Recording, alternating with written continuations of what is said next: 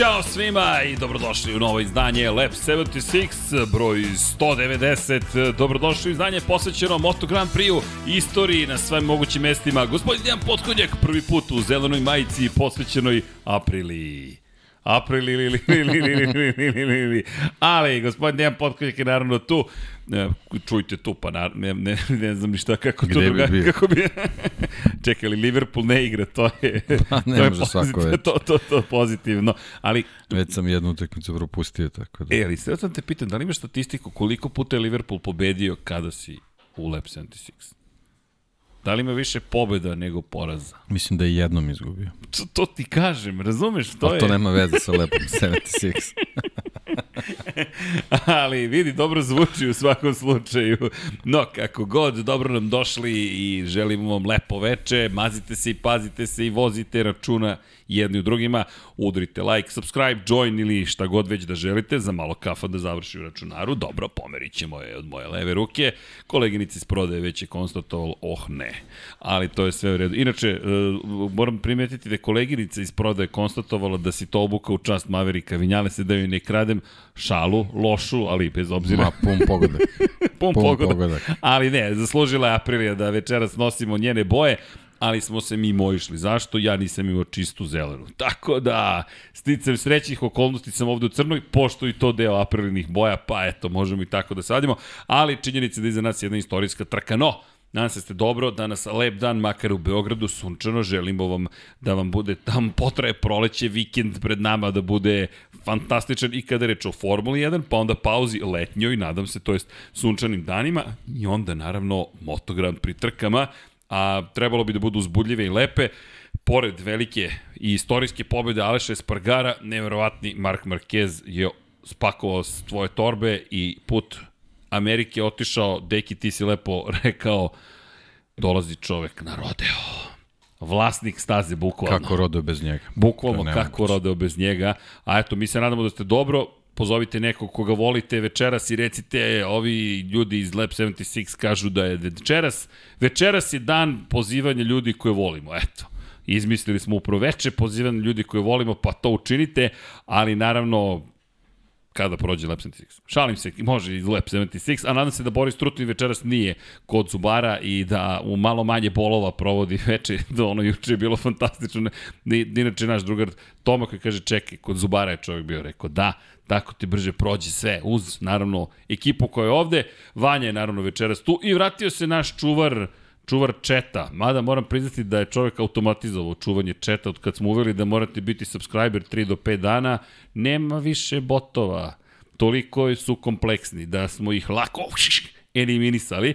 Inače 917 na 3030, pošaljite ili Human 917 na 455 ukoliko ste u Švajcarskoj ili generalno nešto lepo, prijatno uradite i lepo se zabavite naravno, a mi ćemo polako ali sigurno da krenemo putem Sjedinjenih američkih država i Argentine. Večeras malo pričamo o trci iza nas, najavljamo trku koja dolazi, već je praktično tu i onda da se malo družimo, provezemo se malo stazom kota. Si raspoložen možda za neku vožnicu? Pa, posle sinoćnje ovaj, vožnje po Albert Parku, razmislit ću, javit ću ti. Javi mi, molim te, Deki je sinoć imao race day, track day na Albert Parku i manje više simulaciju trke Formula cross, 1. da. A dobro, pazi, to su, to su uvežbavanja. Za, to je sad pokazuje koliko je dobra vizualizacija. Zamislite stvarno da Albert Park. Spektakularan, ja mislim da bi bio. Ali to bi trebalo da odemo, za, i to bismo mogli stvarno da odemo, da odemo na pravu stazu i da vidimo kako to funkcioniše. Mada, znam ko bi pobedio, gospodin zvani oštri napad na teme krivine. Ako primetite, Deki ima klasičnu trkačku, tačno se vidi školovan vozač, trkačku O, vozač. školovan, A da. jeste, vidi Da, se, da. vidi se. Dobro, nisi svaki dan u, u sportskim automobilima, ali se vidi škola, vidi se da je to ozbiljno iskustvo. I kada smo re, kada je reč o ozbiljnom iskustvu, ljudi, a mi da krenemo sa ozbiljnim iskustvom zvanom 200 trka i pobediš prvi put u karijeri, 200 trka u kraljevskoj kategoriji, prva pol pozicija sa Aprilijom, treća u karijeri, najbrži krug ostvariš sa Aprilijom u istoj trci i pobediš i stvoriš nešto što će se dugo, dugo, dugi niz godina pamtiti, ja mislim da je to jedan od onih najlepših momenta prva pobeda u istoriji Aprilije u kraljevskoj kategoriji. Dakle, 500 kubika su imali dve pol pozicije, Jeremy McWilliams jednom, Tecuja Harada drugi put, to je prvi bio Tecuja, pa potom Jeremy, i prvi put da su osvojili pol poziciju u Moto Grand Prix eri zahvaljujući polu, oprostite, Alešu Espargaru, ali ovaj lapsus će posle da bude značajan u našem razgovoru. Alešu Espargaru i zatim pobeda, iako su svi rekli bit će lako, rekao je on, neće biti ništa lako, nije laka ta prva pobeda, ali deki, ja ne znam da li postoji veći utisak prosto cijelog vikenda, sve ostalo neko pada u zapečak, a ima mnogo priča, on je trenutno i vodeći u šampionatu sveta, Honda je poslednja u šampionatu konstruktora, devet različitih ljudi na tri pobednička postolja u tri trke, očigledno i tri različita pobednika, tri različita proizvođača kao pobednici, Ducati zahvaljujući Nej Bastianinu, KTM zahvaljujući Miguelu Oliviri i Aprilia zahvaljujući Alešu Espargaru. Ko nema pobede? Yamaha, Honda i Suzuki. Fascinantna sezona, ali Aleš Espargaro, kako si ti kako ti izgledalo kad je pobedio Aleš? Kakav je tvoj utisak one trke i, i generalno njegovog vikenda, pazi, skraćen vikend, cargo avion koji je kasnio, pa smo počeli sve u subotu, pa je maraton 10 sati praktično trajao bez prekida na stazi i onda sve nekako kulminiralo tom emotivnom pobedom. Pa eto, Aprilija se najbolje snašla u toj čitoj situaciji sa tim pomeranjem, odlaganjem, ovaj, možda, možda i taj format da se sve spakuje jedan dan, nije, nije tako ni loše, ovaj, pošto generalno imaš jako slične vremenske uslove ovaj, tokom svih tih sesija, tako da ovaj, možda je nekom to i prijalo, ali generalno ovaj, bez obzira na, na taj dan to, to da, da ovaj, ne računamo, da, da računamo samo tu pol poziciju posle nastup na trci, mislim, nekako sigurno ogromno olakšanje za sve njih posle toliko truda kojeg su uložili u, u poslednjim godinama, a za Aleša, mislim, stvarno nema šta da se kaže. Čovjek koji je bukvalno od, od, od početka tog motocikla sa, sa, sa njima i, i, i u, u, od nekog trenutka kad su krenule te, te, te prave performanse da, da se stvaraju i podižu i, i, i ko zna koliko situacija gde su i razmišljali da li su krenuli dobrim putem i nisu i, i, ili da li treba nekim putem nastaviti, da li treba probati nešto drugo, sigurno je tu svašta bilo, ovaj, eto, dođe, dođe taj trenutak da, da, da, da krunišeš konačno sve te svoje napore, a onda se nekako sve poklopi s tvojim nekim jubilejima i onako, jednostavno, to je bio njihov vikend i, i, i moralo je tako da se završi. Bukvalno nijednog trenutka ovaj, nisam, uh, znaš, nekad imaš kad, kad, kad vidiš tako vozače da, da malo ovaj, i forsiraju nekim trenucima i, i, i, i, i, i teže ka, ka tom svom ovaj, rezultatu karijere, mislim, slobodno mogu da kažem u ovom trenutku, imaš onako neku bojazan, da, samo da se nešto ne desi ovako. Ovo, što se tiče Aleša, ova čitava priča u nedelju meni je nekako onako bila baš, baš opuštajuća i vodila je ka tome da će da ima neki onako happy end. I, ali sve je ukazivalo nekako jest, na to. Kad jest. gledaš i, i, i samo trka, jedini moment kad sam se stvarno zabrinuo i pomislio, o ne, idemo, stara pesma gde neko ko ne može da pobedi, ostaje neko ko ne može da pobedi u momentu kada je Jorge Martin koji vodi od prve krivine praktično na pramak Ducatiju GP22 najnovije verzije i na ona najmoćnije verzije bez specifikacija, stekao sekund prednosti. I razmišljam, 1,1, psihološki gledano, često tu vozači popuste, kada prednost vozača ispred skoči na preko jedne sekunde. Pa dobro, da, i, i Aleš je generalno u karijeri ima i te situacije kada onako za koji procenat, za koji promil samo, samo preteraš koliko puta mu se sklopio prednji kraj samo u karijeri. I onda se Mislim, podigne to mogo neko da izbroji, strašno bi bilo, ali, ali nekako zaista nisam nijednog trenutka pomislio da, da, da može tako nešto se desiti. Stvarno mi je delovao jako sigurno i, i, i, i moralo jednostavno da se završi tako. Ne, to, bukvalno kažete, jedini moment kad sam pomislio, uh, ovo bi moglo biti na petije nego što sam mislio,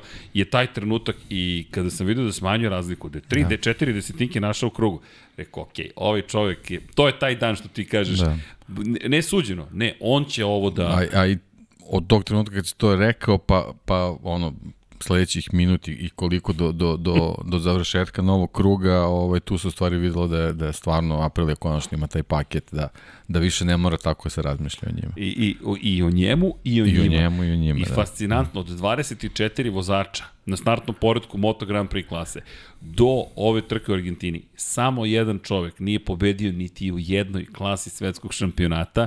Bio je to, beše to, Aleš Espargaro. A evo ih ti krugovi u kojima pričamo i taj jedan moment kada je posrnuo, recimo, 1.40,5. Tačno se vidi i hvala Dragoju Stanišiću na pomoći, hvala svima vama na svoj pomoći. Dakle, inače, spremamo svašta, dakle, vi ste nam spremili svašta. Ja moram da kažem da je ponekad, pa ne znam, humbling experience, što kažu amerikanci, ne znam kako bi se to preo, pozdrav za Alena Šmita, koji inače održava praktično Inače, on kaže za, samo da, da napomenem, ko nije pratio Twitter, danas neka diskusija na Twitteru i vidim da je Discord server aktivan nezvanični Lab 76, Niki Nix koji ga je pokrenuo i Alan Schmidt koji je to aktivan, kaže, majmo da to postane zvaničan. Ljudi, zašto? Pa zato što ste vi stvorili nešto, dakle, van, van onoga što mi radimo, pa isto tako drago je, hvala.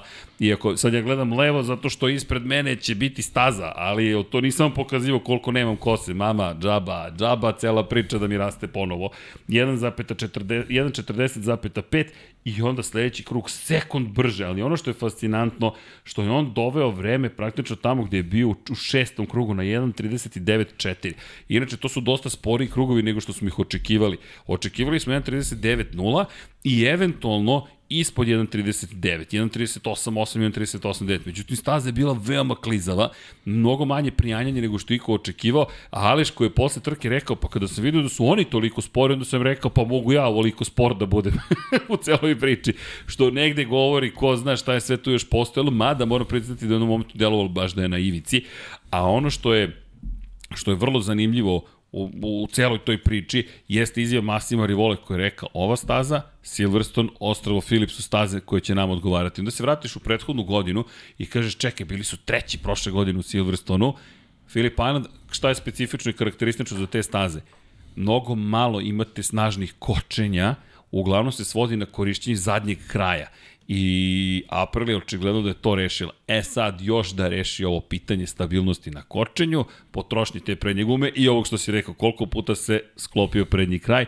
Ovde je mali broj sporih krivina, čak ni peta, dvanesta, pa ni prva nisu toliko spore krivine.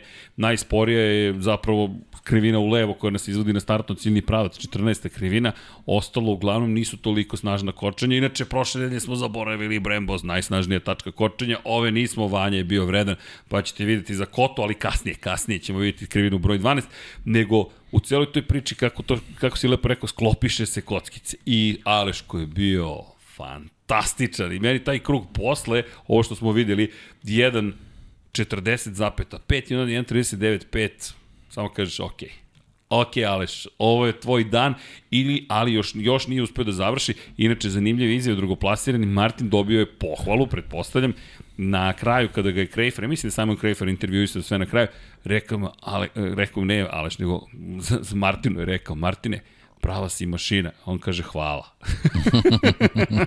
Znam. Znam, da, da, kao, what's new, kao, po to se podrazumeva. Martinator, bukvalno je bio kao mašina i baš je dobro odvezao, s tim što se videlo da, da ne može jednostavno da slomi otpor. Ali dobra trka za Martina. Martin je baš bio precizan, nije tu bilo pa, grešaka. Njemu je trebalo mu je da završi trku jednostavno, tako da možda, možda tu nije bilo neke doze ovaj forsiranja koje bi možda od njega moglo da se očekuje jer jednostavno ovaj, kad se na nižu nule jako je važno stići do nekih poena, tako da možda, možda i taj moment onako išao na ruku Alešu, ali kako god bilo, super je borba bila, tako da ovaj, nemamo tu šta da, da, da, da zamerimo ili da, ili da smo očekivali nešto više. Jednostavno mislim da, da su se obojica ovaj, da su imala više nego ovaj veliki osmeh na podijumu, tako da sve je to okej. Okay. Da, pa pogledaj ove krugove, dakle, sve je ispod 1.40, dakle, dođemo do toga da je tek tamo na dva, u 21. krugu i to je bio duel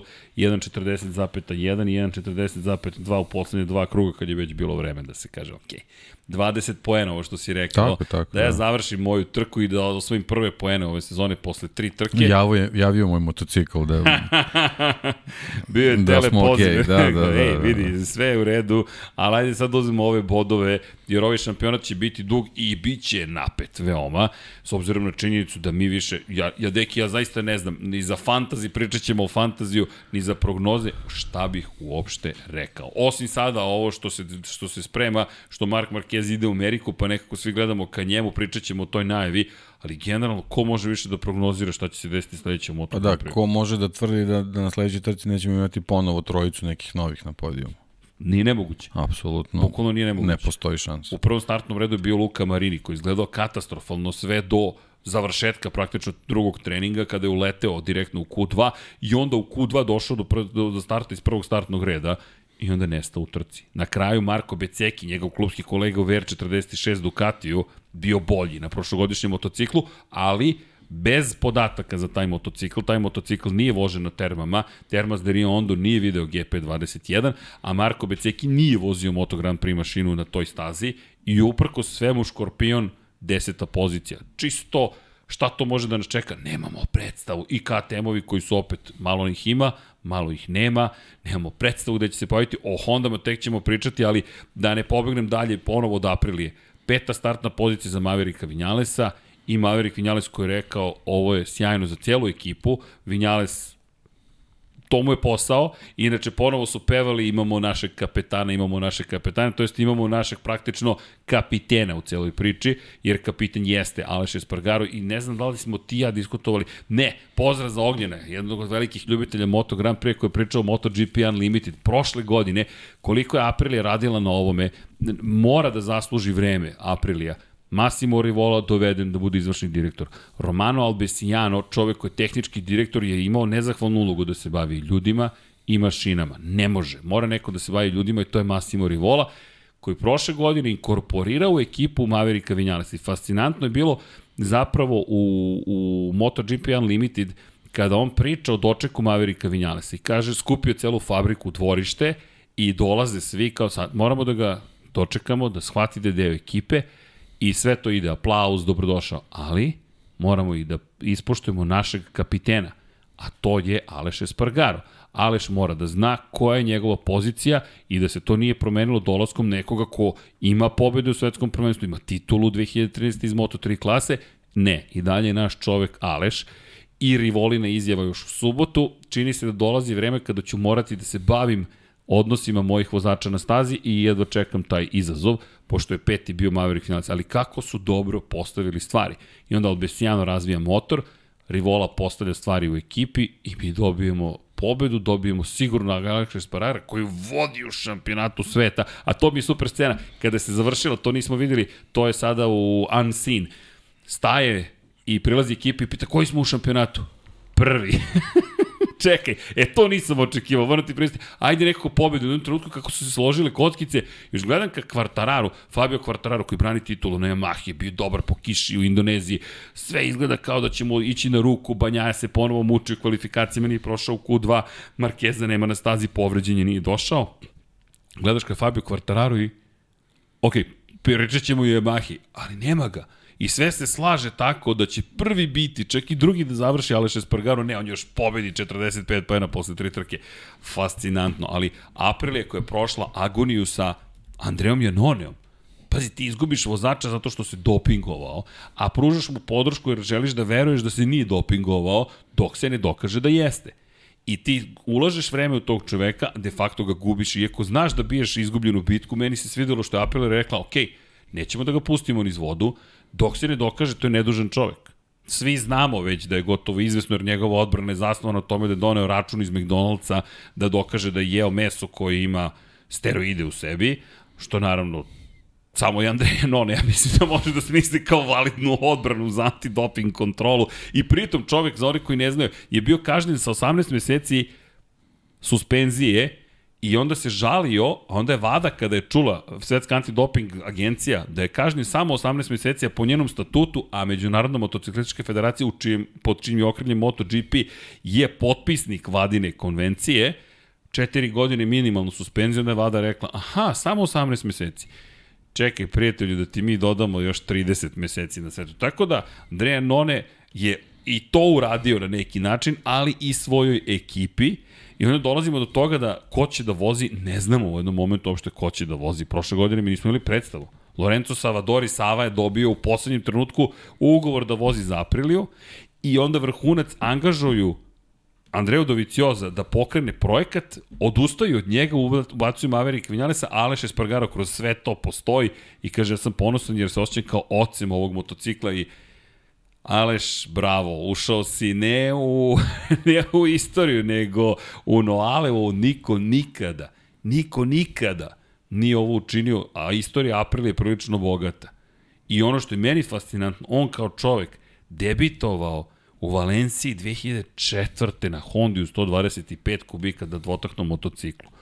Od onda vozi Aleš Espargaro i najbolji plasman mu je do dolaska u MotoGP bilo treće mesto na velikoj nagradi Katalonije 2011. za Pons Kalex ekipu, drugi je bio u Aragonu za Forward Yamahu 2014. i prošle godine treći u Velikoj Britaniji. Šta je meni fascinantno u toj priči? Neko ko po svim statistikama ne bi trebalo da se bori za pobede, pogotovo ne u Moto Grand Prix, pogotovo ne u 2020. je rekao svima ne ja ću da radim i radim i radim i radim i radim i radim i radim dok ovo ne postignem sa najgorim motociklom u Moto Grand Prix i uspeš u tome. On čovjek od 2017. u ovoj ekipi, 17. 18. 19. 20. 21. 22. Izvini deki na ovom traktatu, ali sve to se desilo sad u nedelju. Pa ne, apsolutno. Bez komentara. Svi sve, se, sve se rekao, ajmo. Završavamo. Ćao svim. Ćao svim. A nije, deki, ne, nevjerovatno ne, pa, je. Znaš, ovaj, kad si toliko posvećen i toliko godina si u nekoj priči ne, ne odustaješ od nje, mislim, jednostavno mora, mora tako da se završi, mora da se isplati, ali, znaš, poenta mi ne pričamo bilo, bilo koje ekipi, mislim, April je ozbiljna kompanija, ozbiljan, ovaj, ozbiljan sistem koji samim ulaskom u Moto Grand Prix je stavio do znanja da nije tu tek da bi, da bi bio na gridu, nego da jednostavno u jednom trenutku to sve mora da, da, da se materializuje i mora, mora da dođe taj trenutak. E sad, da li bi sa nekim drugim vozačem to bilo ranije, da li bi sad sa nekom drugom postavkom menadžmenta bilo drugačije, da li bi neki i veći budžet to ubrzao, to, to su apsolutno Nik, nagađanja da. i nebitno je, ali, ali poenta je da je, da je način kako smo mi to mogli da pratimo kroz ove sezone jednostavno bila onako lepa, fina, uzlazna putanja koja je dovela do toga da, da, da ne bude samo ta čista pobeda Aleša Espargara ovaj, na, na, na, na, na, u, u fokusu, nego jednostavno i, i nastup drugog vozača i generalno njihovi bodovi u generalnom plasmanu, jednostavno sve se složilo i, i, i pokazalo kako se isplati taj, taj veliki trud koji su oni bez sumnje uložili da, da dođu do svega ovoga meni fascinantna priča generalno i gledaš i Apriliju, gledaš i njega. Aprilija koja je imala nesreću sa, v, sa, sa, sa V trojkom, sa čuvenim RS Cube-om, za one koji ne znaju, kub, kub, kubik, da ne kažem na kub, trocilindrični motocikl u novoj eri zvanoj Moto Grand Prix koja je bila osnovana 2002. godine, Colin Edwardson i čuveni skok u Zaksendringu sa zapaljenog motocikla i mi pričamo o kompaniji koja prosto ni u 500 kubika nije mogla da, da slomi Hondu, Yamahu, nikoga nije mogla da slomi i to su bile godine agonije za Apriliju. Aprilija koja je ušla u Moto Grand Prix, Honda se tu pojavila koja je sve pojela, Yamaha dok nije angažovala Valentina Rossi nije mogla da se snađe, Suzuki isto teško jedno prilagođavanje, nije imao pobedu dok kiše u Le Manu 2007. Kawasaki se uključio zajedno sa Ducatim 2003.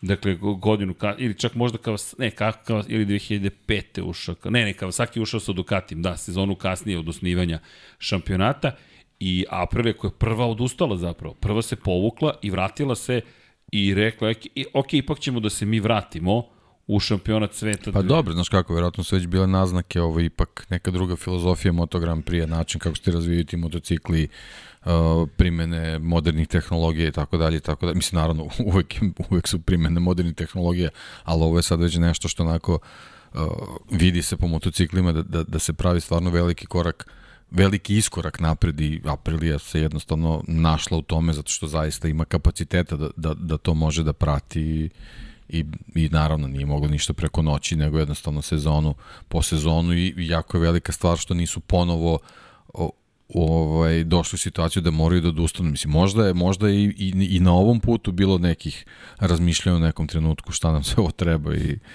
da li je vreme da prekinemo, ali, ali mislim da baš zbog tih nekih neuspeha ranije i tih nekih stran putica ovo, ovo je jednostavno moralo da se izgura na način da, da bude ovaj pobednički motocikl. Me, fantastična priča, inače Aprilia koja je osnovana 1944. porodica Beđo stoji iza svega toga. Ivan Beđo koji čuvam po tome što je zapravo stvorio tu zlatnu eru Aprilije 90. godina prošlog veka u kojoj su se pojavili i Max Bjađi, i Tetsuya Harada, i Valentino Rossi, i Loris Capirossi. Baš je bilo uzbudljivo u tom periodu za Apriliju. Kasnije je ostala praktično jedina kompanija koja je posvećena nižim kategorijama, pa je često osvajala tito Derbi, inače Gilera, Aprilia, sve su to kompanije koje su u vlašništvu Piaggio grupacije. Inače, Piaggio grupacije, kada pričamo, pogodili smo, pošto smo čuli samo kada se javio na telefon, Ćao Roberto, Roberto Colanjino je, je bio i pretpostavili smo koji Roberto te zove u momentu kad si pobedio i ti se javljaš u zatvorenom parkištu, pa ja mislim da nije Bob Rock. Kojem Roberto moraš da se javiš. Kome, tako je.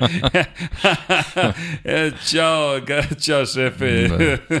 čao Roberto i najbolje od svega priča. Hvala, pa hvala i tebi i porodici na podršci. Zaslužili smo ovo. I jedna, jedna mnogo lepa priča. Potom kada je čuo informaciju da vodi u šampionatu i potom ne znam, verujem da ga porodice zvala kad se rasplakao i, i, i čučno prosto da ga ne snime kamere. Naravno ćete snimiti, ima ih 7000, ali inače 7510 zaposlenih ima zapravo Piaggio grupacija. Eto, eto, čisto da kada pričamo o 7000 i kompanija koja, koja kod, u, u svom vlasništvu ima i Apriliju, i Derbi, i Gileru, kao što smo rekli, Piaggio Vespa, naravno, Moto Guzzi i ono što je to zanimljivo jeste ta Pjađova prosto posvećenost u jednom momentu šampionatu i sa Derbijem i sa Gilerom, dok su bili dvotaknere. Kada smo ušli u četvorotaknu eru, nestale su iz nižih klasa. April je planirala udlazak u Moto dvojke, odustala, jer je na kraju morala da prihvati da će imati Aprilinu šasiju sa Hondinim motorom i to im je bilo previše. Iako su sa Jorge Martinezom Asparom razvili čak motocikl i onda odustali pred početak sezone te prve 2010. godine u Moto2 klasi i nestali su iz, u Moto trojkama ne postoje, tamo sada haraju KTM i Honda, kako god KTM da, da, da plasira svoje motocikle, da li su CF Moto, da li su Gaz Gaz, da li su Husqvarna, opet imamo dva proizvođača, Mahindra je bila treći, to je to. I onda vidite Apriliju kako uspeva tamo gde je najteže, zaista mislim da je super i da je super iz perspektive svetskog šampionata, tako da čestitke još jednom celoj toj ekipi i bravo za, za čoveka koji, koji je to omogućio. I Aleš Espargaro, meni je fascinantno, stojim, gledam šampionat i Aleš Espargaro vodi u šampionatu sveta Moto Grand Prix kategorije. Četvrti, deveti, prvi, i ono što je rekao posle trke kada su mu tražili govor mehaničari, rekao je drago mi je što ovo nije ostvaren rezultat po kiši, i drago mi je što nisu pala neka tri vozača da bismo mi bili ovde. Ne, mi smo ne, ovde. Da, ovo je bilo diktiranje tempa praktično. To je to. I rekao i mi vodimo u šampionatu zato što smo zaslužili da vodimo. To je mnogo lepa rečenica. 7 pojena prednosti odnosu na drugoplasiranog Breda Bindera na KTM-u, koji inače prošao šesti kroz cilj. Enea Bastianini dalje tu, na poziciji broj 3, u prvenstvu 11. pozicija analizirat ćemo situaciju. Alex Rins koji ide uzlaznom putanju, sedmi, peti, treći, prvo pobedničko posle za Suzuki, pohvale, i tekako i za Rinsa za Suzuki, i onda Fabio Quartararo, deveti, drugi, osmi, Joan Mir, očekivano šesti, šesti, četvrti, Miguel Oliveira i dalje tu, naravno, bez plasmana, pa pobjeda, pa 13. pozicija, dramatično uvek to nekako izgleda. Joan Zarko, osmi, treći pad. Sve ćemo proći, ali to je stanje u šampionatu i zaustavit se kod Pola Espargara, treći, 12. pad. I zašto tu se zaustavljam? To je 25 poena od proplasiranog Aleša Espargara. Posle ove trke, vodećih 10 u 25 bodova i to je već trka prednosti u odnosu na veliki broj takmičara. Neverovatno li istinu to Aleš Espargaro ima 30 pojena više od Jacka Millera, 31 od Franka Morbidelija, od Klusmo kolege Vinjalesa 32, od Francesca Banjaje 33, 34 od Marka Markeza, 35 od Takakija Nakagamija i Luke Marinija to sada već su neki ozbiljni poeni. Ne kažem da odjednom je kandidat za titulu šampiona sveta, ali da se zakomplikovala situacija jeste i to ima i veze sa, verujem, Markezovim dolaskom, ali doći ćemo od toga čisto eto da pohvalimo još jednom Aleša Espargari. Inače, Aprilia treća u šampionatu konstruktora i za KTM-a koji ima 55 pojena, Aprilia 45, sve su pojeni koje donao Aleš Espargaro i Ducati je vodeći sa 61 pojenom, pobjede treće mesto, drugo mesto za Ducati koliko ih ima ni ne čudi. Osam, ali opet lepo je videti da su konstantni. I jedini tim, to je jedini proizvođač, konstruktor, koji je imao vozača svak, na svakoj prve tri trke, je na pobjedničkom postoju Ducati. Tako da eto, aplauz Aprilia Racing treće u šampionatu sponzora, da ne kažem timova, kao što si lepo to rekao. Tako da, bravo za Aleša Espargara još jednom, baš smo dugo ovo čekali. I eto, Aleš sada ide u nekom novom raspoloženju dalje u Ameriku, pa ćemo vidjeti šta donose testovi, to jest testovi, šta donosi ovaj novi period, ali lepo, 200 trka u Moto Grand Prix ti pobediš, sjajno. Da, pa šta nosi, mislim, generalno i, i njegova pobeda i, i to, ta sedma pozicija Maverika Vinjalesa Apriliju sigurno može da ohrabri da barem u, u nekom predstojećem periodu da mogu da računaju praktično zbog čitave ove konstalacije sa, sa rasporedom vozača na, na, na podijumima da, da legitimno mogu da se nadaju da u svakoj trci mogu da konkurišu za top 3. To su pokazali od početka sezone, tako da ovaj, na, na, na, na, na trci koja je to ovaj, na koji su i pogodovali vremenski uslovi i, i sve se složilo, jednostavno su pokazali da mogu da budu vrlo konkurentni, tako da bez problema mogu da, da, da se nadaju da će, da će da budu top 3. Ja im... I, ono, I ono što si rekao, sve bodove donosio Aleš Espargaro za, za, za te plasmane, Ja ne znam, mislim, mislim da je zaista vreme da, da, neko, da neko dobije mamuzu gluteus, da, da konačno i on skapira da, da treba da da se pokrene, ovaj, da, da, da jednostavno ima, ima nešto ovaj, na što ne može da kuka, da se žali, da traži opravdanja, nego da jednostavno spusti vizir, da spusti glavu i da, i da pokaže šta zna. Maverick Vinales sedmi je bio na trci i mora prosto jednostavno nešto mi pokazuje koleginica. Upalio sam slučajno rukom zvučnik, ili to mi govorite? Hvala vam. Vanja me gleda šokirano, izvinite, pipno sam slučajno, ne zamerite. Ali, inače ugasio se TV, ako, ako da, čisto da, da znate da, da zakasnio sam sa upravljačem da ostane PlayStation upaljen, nije da se samo ugasio i gledamo u crni ekran i deki i ja, a trebalo bi da vozimo koto, ali dobro, hvala. Apropo mamuze u gluteus, kako ste se to fino izrazili, da, Maverick Vinales, do kog momenta, opet novi motocikl za njega uči, nešto je otkrio Indoneziji, to je rekao, rekao da je za njega zapravo tek nastavak takmičenja bio trening broj 1 u, u Argentini, htio da reći u Americi, ali i Massimo Rivola je to rekao, čini se da su nešto najzda rekli. On je zaostao samo 6,5 sekundi pa, na kraju. To je, to sam, čekao sam da završiš, pa da, pa da se nadovežem na to, ta sedma pozicija manje bitna od zaostatka za Alešom. To je ono što je, što je mnogo važnije i što treba da ohrabruje ovaj, i Maverika ekipu, jednostavno ti ta, ta sedma pozicija posledica nekih borbi u, u, u samom finišu, opet s druge strane tu je možda i bilo malo kalkulacije, jer zaista je bilo jako važno da se završi ta trka sad. Da li, da li peti ispred e, Banjaje ili sedmi iza, iza obojice Banjaje Bindera s kojima se borio, manje više nije toliko značajno u, u ovom trenutku koliko je važno da je da je razlika u, u sekundama uh, tolika kolika je u odnosu na Aleša. To je ono što je što i za Maverika najvažnije, ponavljam, a i za samu ekipu lepo je pričati o tome da Aprilia ima neke ozbiljne šanse sa dva vozača. Ej, to je ono što je, to si juče spominjao za Ferrari, na primjer, da u Formuli 1 odavno je bila situacija da Ferrari ima dva vozača koje mogu da postignu mnogo toga. Da nije sve svedeno na jednu anomaliju, na jedan izuzetak, kao što imamo, na primjer, izuzetke i u Moto Grand Prix, prilično jasno po nekim konstruktorima. Međutim, u Aprilia, rekao bih i u Suzuki-u, ne postoji ta vrsta razlike u ovom momentu. Ne, slobodno možeš da kažeš Yamaha je najbolji primer kako jedan vozač vuče sve. Sve vuče. I krivi sliku o tome šta koliko u stvari taj, taj motocikl može. Juče smo pričali, evo kratka digresija, nešto smo diskutovali u Moto Grand Prix-u i teorija je sledeća. Čovek koji je penzionisao Valentina Rosija je Fabio Quartararo. Zato što je Fabio Quartararo toliko bio dobar na motociklu 2019. pa i 2021. da smo poverovali da, da niko je... nije slušao Rosija u stvari da nešto ne valja. Da nešto ne valja. Da nešto ne, ne, ne da ne valja, nego ozbiljno ne valja, jer rečenice koje izgovorio Fabio Quartararo je kao da ste uzeli i preštampali saopštenja za javnost Valentina Rossi iz prethodnih šest godina. 16. 17. 18. 19. 20. 21. Identične. Kada sam izgubio prijanjanje zadnjeg kraja, motocikl je prestao da bude konkurentan. Oh wait, gde sam to već čuo?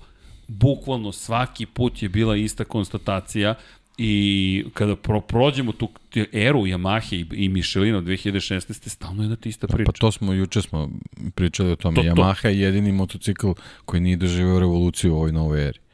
Kad pogledaš. Ništa, to je motocikl Ništa se nije desilo. iz 2004. Masaa Furusave, Jeremija Burgessa i Valentina Rosija. Da. To je osnova.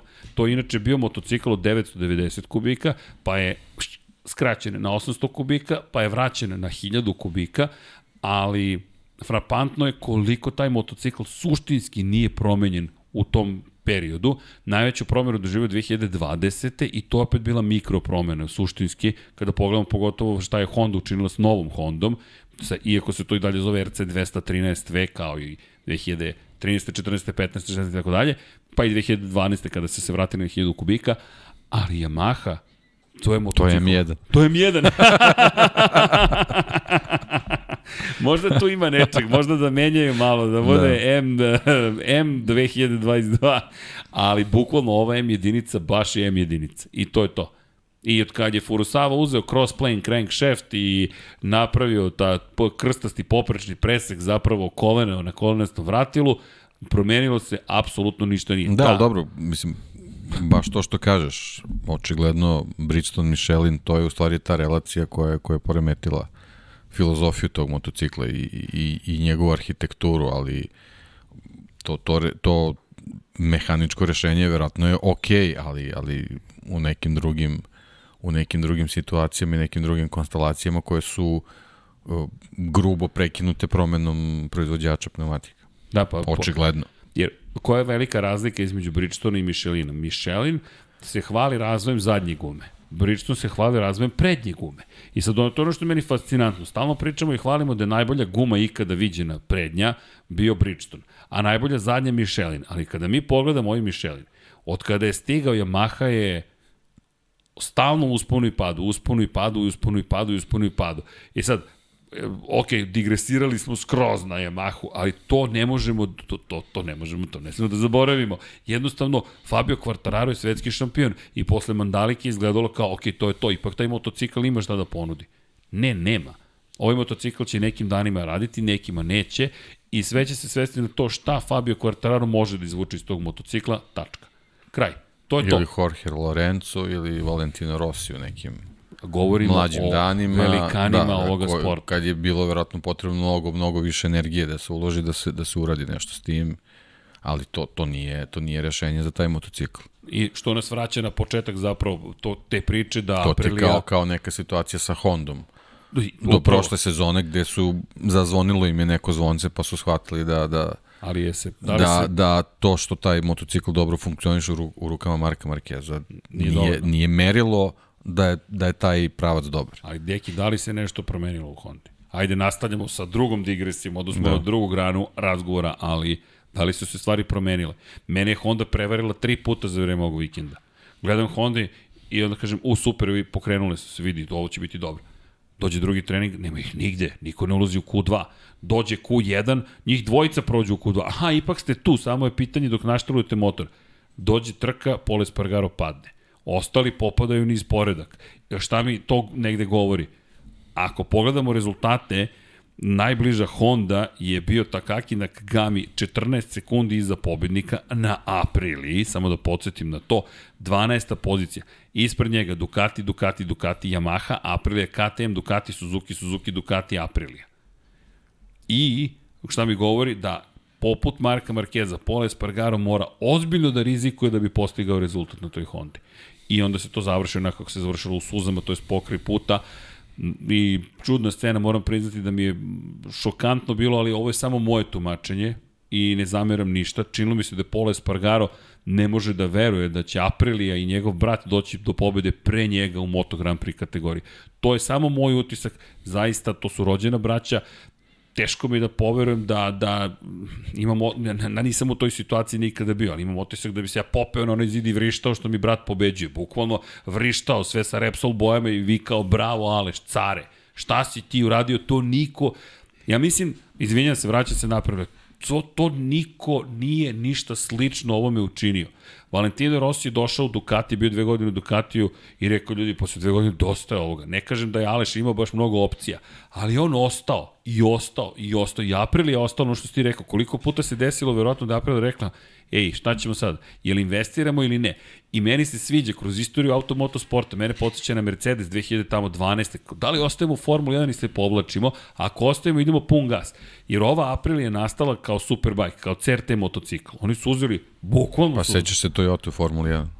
Sećam Koliko se. je para bačeno u vetar? Milijarde, bukvalno. Milijarde, milijarde i sad dođemo u situaciju da Aprilija kaže, jel izlazimo mi iz ovoga ili ćemo da se stvarno posvetimo i kažu ovo je on, otprilike poslednji, poslednji pokušaj, dovedite Massima Rivolu, angažuj ga, dovedi ga iz Ferrarija, ali to je jasna poruka, ti dovodiš čoveka iz Ferrari, kažeš, o, napravi od ovog motocikla pobednički motocikl, i on kaže, Aleš ostaje. On kaže, da, Aleš ostaje. A dovedite do Vicioza da kaže samo par rečenica koje nam nedostaju. Ej, to je da. nevjerovatno, od tog da. momenta da. kreće Aprilia ovako. I meni je dalje da, žao mislim, što to mislim, se nije desilo. Pa da, i meni je žao, ali iz ove sad cele priče, ove što si ti sad spominjao i, i, i, ovo, i podsjetio, ovo je nekako je logično. Mislim, i Aleš Espargaro je veteran. Jeste. I dvojica veterana u ekipi bilo bi ovaj bilo bi malo malo konfuzno posebno ako bi možda krenula neka uzlazna priča za za za Dovija zamisli da je recimo da je on bio taj koji je ostao tu i da je pobedio Ja, sviđa mi se. To bi bio kraj Zaleš. Da, a ti onda potkopavaš moral i osnovu na kojoj je počeo ceo tim. Tako je. Ja mislim da su oni ovim plastifikovali moral na najpozitivnijoj koti moguće. Šta to znači? Nema više elastičnosti, nema morala dole zašto. Ti sada imaš ikonu Aprilije u Moto Grand Prix. Jer šta god dalje, ali Njemu činio. više ništa ne treba. Tako je. To je to. To je to. Da. Ti si sada... To je ono što je Paul propustio u KTM. Tako je. Ti si onaj što će dobiti spomenik ispred fabrike. Ti si, pošto nam je tu ljubitelj NFL-a, kolega, šta je on? Eaglesi. Tako je.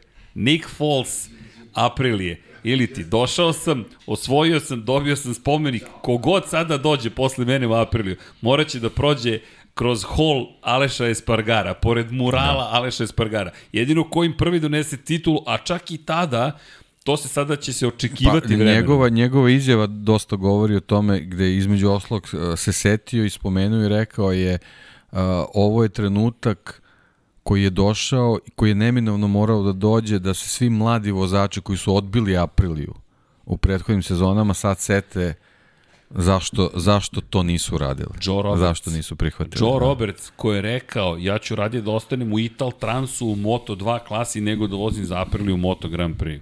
Stvarno? Okej. Okay. Ti ostani. A mi odosmo svojim putem. I to mi se isto dopada. Ej, mi smo ti nudili. I Aprili u tom momentu imam utisak da je bila očajni, očajni iz perspektive treba nam neko, nešto nam treba. Što ti kažeš, sad mi ovo ima mnogo smisla. Mladi vozač, da ne bi ugrozio kapitensku traku zapravo Aleša Espargara i Vinjales koji je de facto odbačen vozač u tom e, momentu. Da, ali čovjek koji ima kvalitete. Tako je. Bez obzira na, na, na sve turbulencije u tom trenutku. Maverick Vinjales je pobednik. pobednik. Tačka. Šampion sveta. Bio. Nema veze. To je to. I sada... Kojem, Aleš... kojem treba nova motivacija. Tako je. A, A ovo... Ovo delo je kao to. I ovo sada stavlja Aleša Espargara na mesto na, sa kojeg niko nikad ne može skloniti. Ono što si lepo rekao, ja mislim da je Polu to zapravo sve prošlo kroz glavu. Ovo je trebalo da bude on u KTM-u. Jer sećam se kada su potpisali što zapravo što za KTM, zvao je Pol je po, zvao brata i pitao ga da li da potpišem za KTM. U tom trenutku on je u Tech 3 Yamahi, privatni tim ni blizu ovih satelitskih timova. Ništa slijedno. Tech 3 nije mogao da dobije podršku Yamahe i sećam se te rečenice Aleša Spargara koji mu kaže potpiši, ako ništa drugo imaćeš najbolji motocross motor od svih nas. I to je bio bratski savet. I dođe Brad Binder i uzme ti to, a Brad Binder koji... ni kriv ni dužan. Ni kriv kao i, i mislim da mu ni nije toliko, da. ne mu kažem stalo, ali nema to emotivno no, značenje. No, eto, momo koji ono, ulože 100% sebe u, u trku i, I to to. eto, složile su se kockice i sve okej. Okay ali za pola to je bio emotivni moment. I onda dođe ovo sa Alešom i zašto sad se vraćamo opet na Apriliju, sad ti imaš svog heroja. To ti je ikona, Sveti Aleš, kraj, tačka. On ne može više da pogreši, čak i da pogreši, to zaovek ostaje. A to ti je moral, onda moralni moment celoj Apriliji kaže... Ma seća... ne, znaš, ono kad prođe karijera i kad tamo za 20 godina se nešto bude pravilo na nekoj stazi, kad se pojavi Aleš Espargaro... Kraj Maše, maše tribinama i to je to. Mislim, vidi, kogod ima šta. Apriliju, sada da. ima svog junaka. Da. Možeš slobodno da staviš broj 41 i ponosno da voziš motocikl s brojem 41, taj broj sada je postao mnogo, mnogo značajan. I mnogo lepa priča. Prefarbamo trole sad. Trole. 40 kec. Ide Mija. Novo značenje. Novo značenje. Nova vrednost. Vozi se. Ja, deki, sutra idemo u 40 kec. Ćao svima. Dobrodošli u električni 40 kec. Vozimo se sa Alešom Espargarom. Ovo moram sigurno Markovićem onda da sednem i Pajem Živkovićem. Ajmo, da, momci, elektrifikacija. Da. Ali da, da, Aleš, Aleš, zaista im je dao nešto, nešto što će, mislim, tek dati krila svima i to nas sad vraća opet na to priču o Maveriku Vinjanicu i svima ostalima. Kogod sada dođe, ej, to je pobednički motocikl. Ajmo sad dalje. Ajmo sad, jer, jer ako Aleš, koji nikad nije pobedio, može da bude strpljiv od 2004. čeki neki, 2004. godine je bila kad je on čovjek debitao. Vanja je imao 7 godina. Vanja je imao 7 godina kad je on debitao u šampionatu sveta. Ti si upisao osnovnu školu. I ovaj čovjek je bio toliko uporan. Pa vidi ga sad. Vidi ga sad.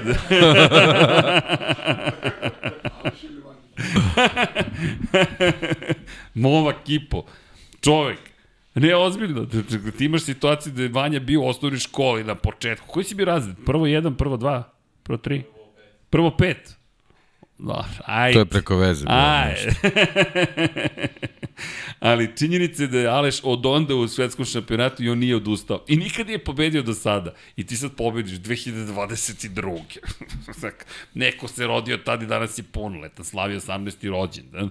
I to je Aleš Espargar. Zašto to kažem? Da, i to pobeđuš u sezoni gde očigledno niko ne dominira, bukvalno moraš da se izlaktaš da dođeš da. u situaciju za, I sklopiš za da. tog dana. I ono što, ovo što si lepo rekao, svi mladi vozači, nema, nema, e, hoću ja, hoću Repsol Hondu. Pa dobro, i ta Repsol Honda je morala da nastane nekako. Neko je morao da stvori kult o toj Repsol Hondi. To je ono što, to, to je ono što je Stoner uradio s Ducatijem. Ček da vam pokažem. Pa Ducati rekao, ne znaš ti sine kako se to vozi, sad ćemo da dovedemo bolje vozače. 15 godina kasnije još čekali svog sledećeg šampiona. Da, ali on postao među niko na Ducati. E, Duka, tako je, jer Ducatijevci, da. ko, na koga mogu da se osnovne? Casey Stoner, samo kaže Stoner Ducati, kraj. E sad, naravno, to je još titula, dalek je još put do titule, ali je krenulo i isto ta priča naravno sa Rosijem i sa Yamahom, koji je vratio slavu posle Vejna Reinija. Vratio slavu timu koji je razmišljao isto tako da se povuče iz šampionata. I Davide Brivio zajedno s Linom Jarvisom tada pričao, ako ne dovedemo Rosije, to je to. Možemo da se pakujemo, mi ne možemo da osvojimo titulu. Doveli su Rosija, bum. Fenomenalna priča. A i tako. Ali da, vratili smo se mi, ali, ali, dva vozača oni sad imaju. I to ono što sad može da bude vrlo interesantno u šampionatu sveta, a i mislim, lepo si rekao da, ej čekaj, ko, ko, ko ti je rekao ravna staza Maverick Vinales? I, i, e, ali činjenica, ravna staza, pihtija, Pa dobro, da, ima u zadnjim sektorima samo... E, ima malo, oni, malo dva brežu, ali, zato je bio sedmi. A realno može, može da sagleda sve repere, nije, nije problem. da, da, da. Ali dobro, sad ide na jedno brdo kad stigne u kotu, ali dobro, pričat ćemo o tom brdu. Ali lepo, lepo priča. I svakog slučaja Aprilia dva vozača ima i Suzuki ima dva vozača. Ima da iskoristimo priliku, vratit ćemo se na Hondu, ali Suzuki, hej, Alex Rins, Joan Mir, baš... Pa, 2020. da, bukvalno, ali obojica. Ali obojica. Ja ne znam da li je Rins Pa dobro, znaš kako, tata. 2020. Rins je bio dobar. Jack Tu, Miller, je- tu je bilo tih par padova, malo nepromišljenih, ali on je generalno u tim trkama bio dobar. On, on je prokockao nekih 40-50 bodova sigurno. u ključnim momentima. Ali, ali, moramo se vratimo na početak Nije, sezone. nije njegov plasman 2020. uslovljen lošim Suzukijem. Ne. On je bio taj koji je preterivao. I Tako da, pad, ali meni je pad ne, zato onaj... kažem, zato kažem, to je Red Bull Ring. Ja, Da, ali, ali znaš na šta bih na sve vratio? Na Jerez čak. On je skočio s motora da spasi Jacka Millera. Tako je, da, On je da, sebe, da. on je sebe bukvalno povredio da bi nekog poštedeo život. I platio je cenu. Cijele te sezone on jurcao neki rezultat s povređenim ramenom. Tako je, tako je. Znaš, a 2021. kockice se baš nisu sklopile i ovo je sad ok, Ri- Rins je prvi na Suzuki ove godine stigao do pobjedničkog postoja, a idemo u Kotu, idemo na mesto gde je prvi put pobedio u karijeri.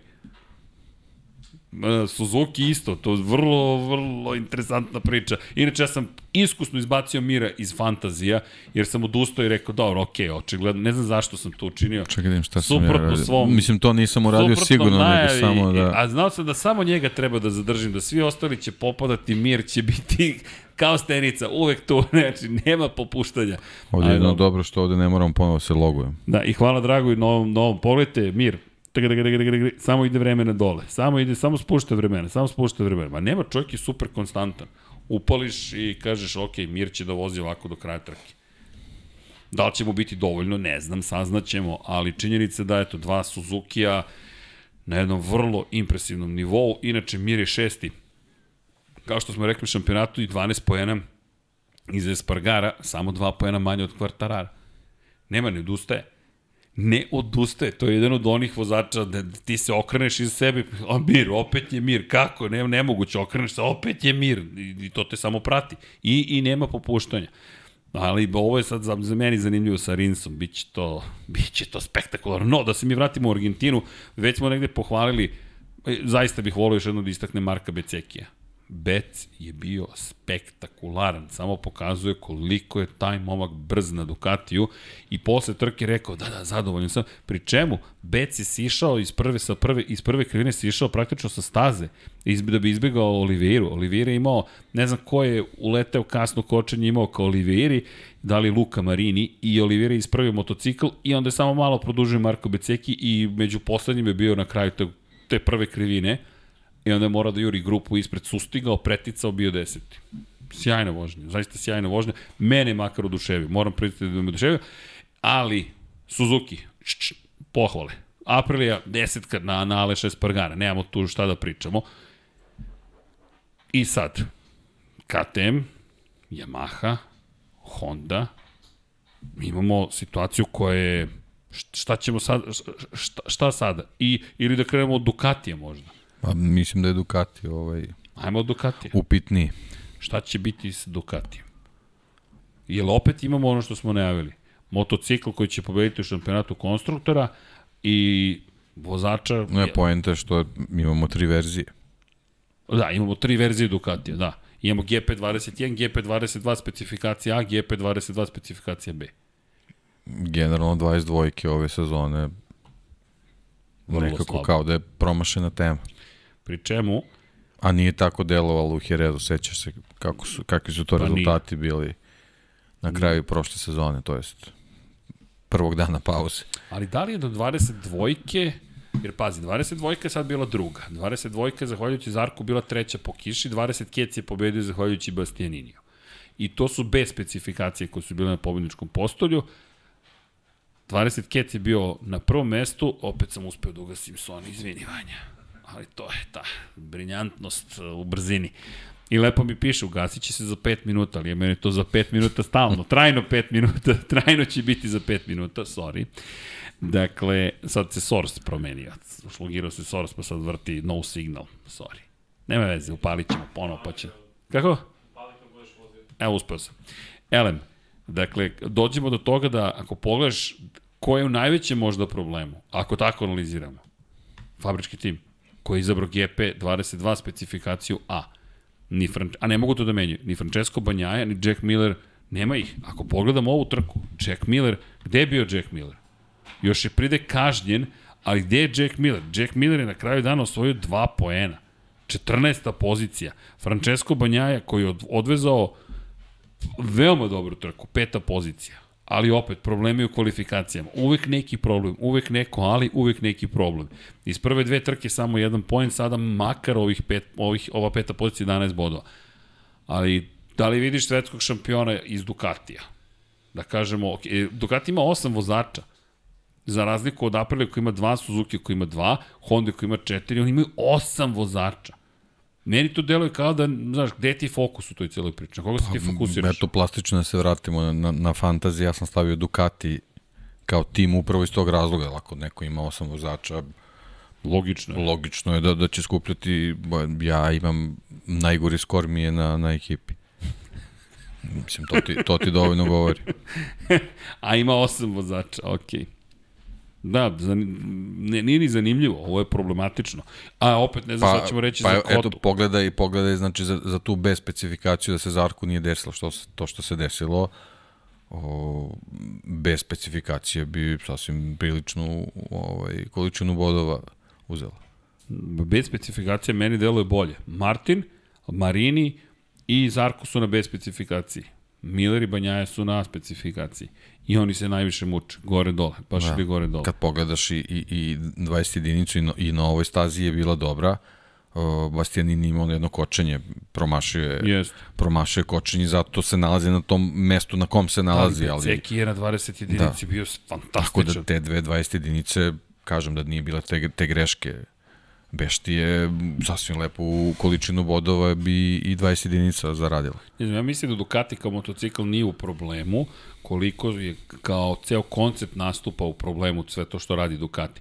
I mislim da je nešto slično onome što je Banjaje rekao posle Katara, ako mi razvijemo motocikl na trkama, mi onda se ne bavimo trkanjem. I imam utisak kao da se ne bave trkanjem u kontekstu toga, slušaj, ovo je naš fokus, kao da ta silna želja da svima pruže podršku, da se svima budu dovoljno dobri, i osam motocikala i dovodi do toga da zapravo ko, kime se vi bavite, i za koga tačno stoji Ducati. Jer ti imaš opet otvorenu priču. Stali smo iza Banjaje, ok, ali za Jacka Millera ne znamo kada ćemo da mu produžimo ugovor.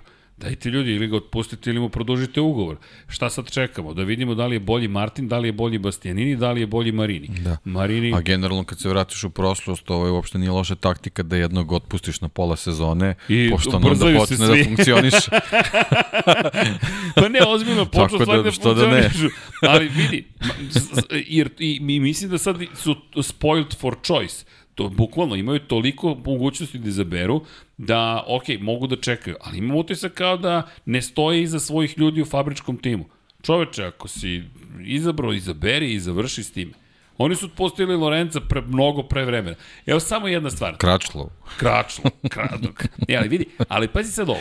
Ognjen, e, sedimo i pijemo kafu i on čovjek koji kaže ti obožavamo to, kaže, Srki, zamisli ovo. Jorge Lorenzo ostao u Ducatiju ovih pet godina. Ja ne sam to ni da zamislim. Da je ostao, ja mislim da bi osvojio barem jednu titulu, ako ne i dve. Ko zna? Zamisli Lorenza koji još razvija taj motocikl za svoje potrebe, između ostalog zajedno sa Doviciozom u toj ekipi. Meni to deluje zastrašujuće, bukvalno zastrašujuće. Ka, kakav promašaj, ali ćeš ti da investiraš u neke druge, ne, pot, pot, ja i dalje mislim da njima treba Massimo Rivola. Preveliki sistem i jednostavno mnogo tu pitanja ima. Pa, upravo to. A odgovora A neko treba da odgovor se sakrije, verovatno. Da, da, da, nešto ga nema baš mnogo. I opet, ja mislim da im nedostaje čovjek za ljude. Mislim da Dalinja treba da ostane car za... Jer ovo što radi Dalinja, Inače, vesti stigla... Ne, vidiš u, u Ducatiju, što je manja ekipa, bolje funkcioniš. Kućna atmosfera izgleda. Da, znači imaš odličan proizvod, ali nije bitno da ga pakuje neki konglomerat, nego mala kućna atmosfera, mala kućna radidnost, to, kad to, spakuje, to, to, to, to, super funkcioniš. I oni, oni čini se da, da im to dobro ide od ruke, ali ok, ajde, vidjet ćemo da li će se, Benea Bastianini dalje tu igra i ulogu 9 poena iza vodećeg u šampionatu sveta, borba za titulu potpuno otvorena, ali KTM, ajmo da idemo na KTM, namjerno ostavljam Yamahu i Hondu za kraj. KTM, opet, stara, stara ista priča. Miguel Oliveira, pobedio sam i to bi bilo to, do daljnjeg od mene, što da, se tiče. Nema potencijal ga. za pobedu postoji, ali konstantnost slabo. Iako smo mislili da će tu nešto se promeni malo, da, da, da su naučili kako se priprema ovaj, ekipa za, za trkački vikend izgleda nije, nije to priča. Mada dobro, njega je možda poremetilo malo taj, taj, ta prva krivina ovaj, izašao je iz ritma, yes. opet sa druge strane a, da, da povežemo priču sa Ducatijem, Miller koji se prilično mučio ovaj, da, da, da uhvati ritam, da, da, da dođe do, do tog gripa, do tog prijanjanja, to je uspio da uradi u finišu trke, a onda kako je sam uh, izjavio, on se približao Oliviri, jednostavno nije bilo nikakve šanse i mogućnosti da ga obiđe. Tako da to sa te strane koliko je beshrabrujuće za, za, za Millera, toliko je, eto, ako nešto možda se pronađe kao pozitivno, to je pozitivan detalj u priči za KTM, znači ipak, ipak tu postoji nešto. Postoji sigurno. Tako da Samo sta, što... to šesto mesto Breda Bindera i, i, i Oliveiru malo, malo srećniju trku, možda bismo mogli da pričamo da su tu stepenik iza Suzuki, recimo, po, po tim nekim e, je dobro. performansama, ali koliko je sad potrebno da, da se skoči gore, nisam Niko baš ne. siguran. Da, da. Pa nisam baš siguran, da. Pa vidi, Brad Binder ako da. ništa drugo završava trke i ne pravi velike greške. Jer on je prošle godine, prati, prošle godine pravio velike greške ili u kvalifikacijama ili u trci. Dobro da. krene, onda se iđe Ali sa dobro, staze. mislim, tu stoji on, znači, čovjek je doktorirao nedelju i to, to je, to, on je, on je za, za KTM ono što je Quartararo za, za Yamahu. Mislim, više, malo više bi trebalo gledati Oliveiru, jer on je u stvari taj po kojem treba da se merimo koliko taj KTM u stvari stvarno može. Zato što je vozač 2 da. ili zato što... Ne što je vozač 2, nego što, što je konstantniji tokom vikenda celog. Aha, iz te perspektive koje performanse zapravo tako ima. Je, tako. Jel, jel Bindera ne možemo da računamo u subotu ne, je, od njega, da nešto, da, nešto, da nam nešto su... kaže u stvari šta možemo da očekamo na trci. Da, tek, tek u nedelju vidiš tako u suštini. Je, tako je. Ali ti možeš dobro da zapravo prognoziraš, sad sam te razumeš šta govoriš. Dobar barometar cele priče je zapravo Olivire koji će ti pokazati koji potencijal Nažalost, motor ima. O, ova trka imamo prvih pet izgubljenih krugova za Oliviru dok se nije vratio u ritam, ali taj finiš gde, gde je uspešno odbijao sve napade Ducatija, to govori da, da, da je to možda moglo da bude bolja priča, da je, da je možda mogo da bude mnogo bliže Binderu nego što jeste. Ali uvek neko... Ali... Razlika je tih nekih 8 sekundi, ali on je tih 8 sekundi tamo izgubio se nije vratio na stazu Da, da, ok, za Oliviru krivini, da. moramo isto kao za Beceki. Tako je, tako da ovo nije, ovo nije reper da, da možemo direktno da kažemo ovaj, kakav je taj KTM, opet s druge strane imamo, imamo satelitski tim gde, gde su momci koji uče kako se trka u Moto Grand Prix, tako da polako. Da, još nema poen Ralf Fernandez. Ono što je indikativno, uvek su zajedno.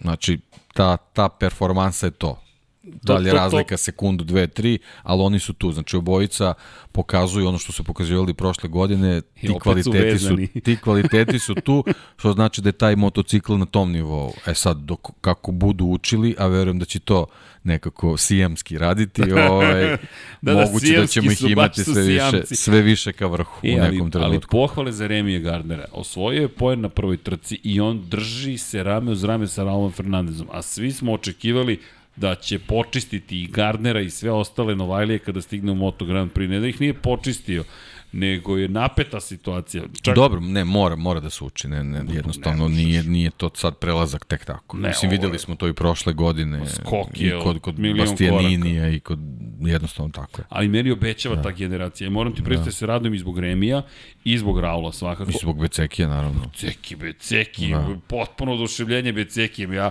ali kažem ti, ne, ne mogu, um, često gledam vozače, ti, ti, znam da razumeš o čemu pričam. Dakle, ne na stazi, nego van staze. Gledam ih dok se šetaju, dok pričaju sa mehaničarima, dok ulaze u garaže, dok ulaze u domaćinstva, dok razgovaraju usput sa nekim na stepenicama i zato mi Katar toliko bio važan.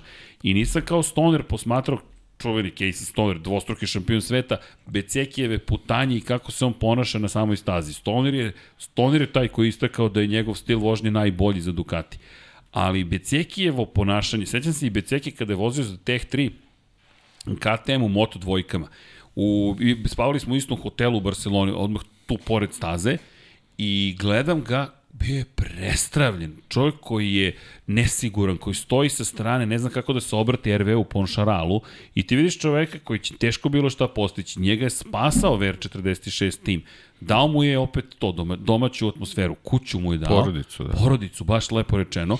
I sada gledam Beceki u Kataru i gledam dečka koji ne bi trebalo bude toliko siguran u sebe, koji, koji čak ne dele kao neko ko razmišlja šta ga čeka. Ne, ne, on je, vidiš neko kako uživa što je tu, a nije neozbiljan. Nije sad ja, ja sam šašav, imam dugu kosu i sad, ne, ne, ne.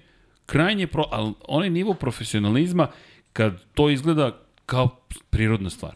Kad vidiš nekoga, deluje ti lako to što radi, I pomisliš i sam mogu bih ja ovo. To je najveći kompliment koji bih ja mogao nekome da dam.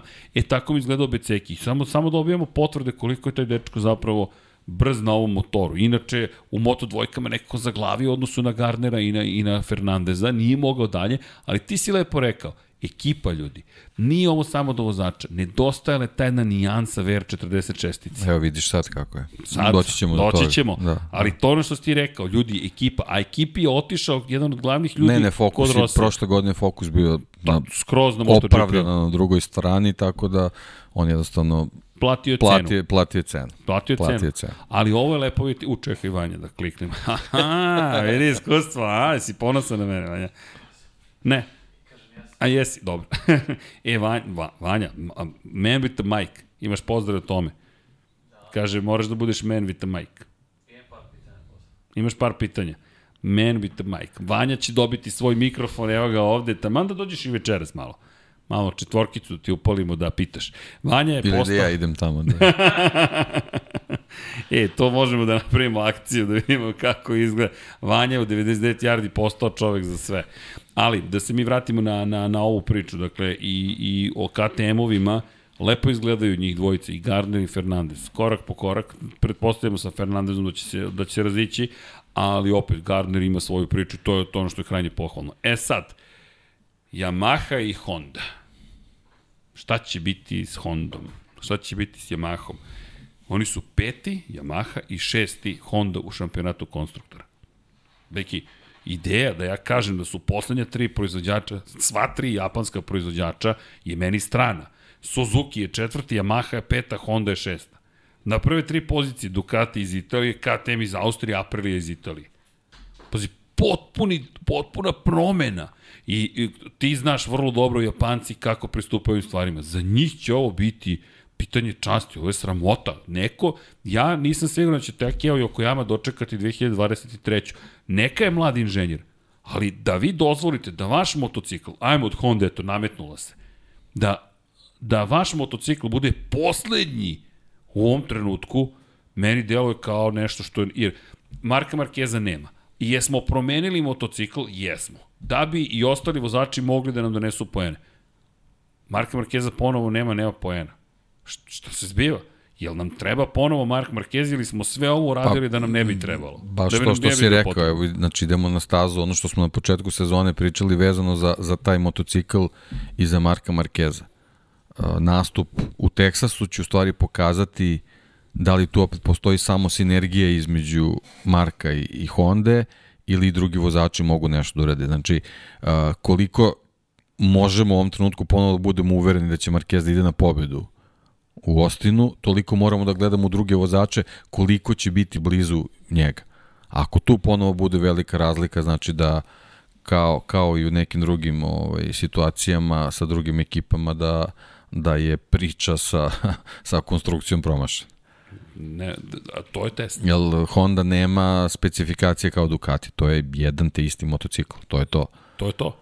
I ti imaš neke mini razlike od vozača do vozača, ali su oni dalje samo na nivou nekih ličnih preferencij. Ne postoje dva različita motocikla. Suština... Da, ali, ali to je, mnogo puta smo spomenuli Casey Stonera, veličina svih vozača je da svoj stil prilagode motociklu koji su dobili. Ne da očekuju da će motocikl da, da radi kako oni ha, kažu, nego moraju da ga nauče i, i, i da dišu s njim. Evo ga, evo je knjiga Crveno i crno, Mihael Schumacher. Priča o njemu. Benetton. Ovo je loš Ne. Benetton, Ferrari 96. Ferrari 96 je isto priča. E, Nema problema. Ljudi, ću on je pobedio sa automobilom koji nije išao. I, i, I to kako je pobedio. Da, da ne govorimo o Barceloni i Kiši i tako dalje, ali to jeste ono što si lepo rekao, vrlina velikih vozača. Stoner, To je inače rekao Nicky Hayden, to, i to ću ponavljati milion puta. Hayden, ta čuvena priča o tri najbolja, o kada su ga pitali ko je najbolji klubski kolega koga si ikad imao, rekao imao sam trojicu najboljih. Jedan je, ići ću obrnutim redosledom, odnosno ono što je rekao Dani Pedrosa koji je imao najsavršeniji stil vožnje koji sam ikada video. Drugi je Valentino Rossi, Rossi je inače spomenuo trećeg, ali zarada dramatičnosti, kao čovek koji je postigao sve što je postigao, pobeđivao na svakom motociklu i treći Casey Stoner koji je u prvom krugu na bilo kom motociklu mogao da sedne i odveze najbrži krug odmah. I Casey, šta je rekao još za, kada su bili u isto vreme na Ducatiju? Rekao je, svi pričate kako se Casey fantastično rve sa Ducatijem. Casey nikad nije overrideovao Ducati. On je puštao da Ducati radi ono što mora da radi, a on se prilagođavao tom stilu i to je bio najnežniji vozač na Ducati koga sam ja ikada vidio. I to je donalo te uspehe. I sad dolazimo na Marka Markeza, da ne sečemo klasične najave. Mislim da je, izvini samo, Naravno, da, da se nadovežemo, pošto nismo to spomenuli, oni pričaju kod Ducatije, mislim da, i, i, da su i ovi Ducati, da, da je potrebno da se bude nežan s njim. Da, tu, mislim da je to Lorenzo zapravo pokazao, iskreno. Kada spomenjamo već Lorenzo, kakav bi bio? Lorenzo stil vožnje nikada nije bio agresivan. Dakle, Lorenzo nikada nije zlostavljao motocikl, nikad nije pokušavao da, da mu slomi e, narav, već da na njega slomi. Ne, nego da nađe kako da on ima taj savršen izlaz iz krivine, savršen ulaz u krivine, da prenese krivine, brzinu kroz krivine i u jednom momentu... A, složit ćeš se, Jack Miller nije taj tip vozač. Nije taj tip, apsolutno nije. Jack Miller nije. Jack Miller je neko ko će, kome više odgovara Honda, na primjer, i to ne čak ni ova verzija Honda. Ona prošlogodišnja Honda mislim da bi mu pre odgovarala nego ova. I Ducati koji se pomerio ka vrlo sofisticiranom motociklu zapravo. Sa svim tim sistemima koji ima, to je motocikl koji traži malo drugačiji pristup. To je utisak. A Lorenzo, njegov master, ljudi, ono nije, ono je master klas, ono je zaista da uzmete da pustite njegovu pobedu u Muđelu. Velika nagrada Italije 2018. Nađite na YouTube-u, pustite sebi tu trku i recite šta god želite o tom čoveku posle te trke. Samo, on nikoga nije ugrozio. Nije bilo jednog preticanja za prvo mesto. Jedna od najupečatljivijih trka koje ja pamtim. Čovek koji je došao i pokazao koliko je fantastično gledati nekog ko tako dobro upravlja motociklom. Zaista dan za pamćenje generalno, a onda je sve to ponovio u Barceloni samo sedam dana kasnije. Tako da Ducati, da, Slažem se, mislim da si u 100% u pravu da mu treba nežniji pristup, a kada se vratimo na Hondu, ne znam koji pristup je potreban ovoj Hondi, ali Alex Marquez ne impresionira, Takaki Nekagami ne impresionira, Pole Spargaro nažalost ipak ne impresionira. Uprko da, to je po neki kata. bljesak koji nas eto zavara da, da kao sve štima. I to je to. To je bilo i u, pre, i u predsezoni, ali eto generalno ovaj, Neki... U, u samim trkama ok, u Indoneziji bilo vreme tako kako je bilo, pa kao možda nismo, nisu mogli da, da prenesu na, na trku ono što su ovaj, pre toga radili na toj stazi i onda kao dobro, idemo dalje i onda dođeš u Argentinu i bude katastrofa. Evo, mali vremeplov. Dakle, mi se sad vratimo u 2020. Posle prve tri trke. Zašto? Honda je četvrta u šampionatu konstruktora u tom momentu. 10 poena u prvoj trci, 13 poena u drugoj trci, 8 poena u trećoj trci. Iza nje su Suzuki i Aprilia. Aprilia koja je u tom momentu imala 11 poena, koja je sada rekla ćao, mi idemo negde drugde. Suzuki koji je takođe rekao ćao. Ko je bio ispred Honda Ducati, ko je otišao dalje? Katim inače ponovo bio drugi, zahvaljujući pobedi u Brnu Breda Bindera. Ali šta hoću da kažem? Ova trojica vozača su već bila u ovoj situaciji. Kada god su njih trojica tu, Honda je četvrta, peta, šesta. Bilo i ostalo. I zašto se Mark Marquez vraća?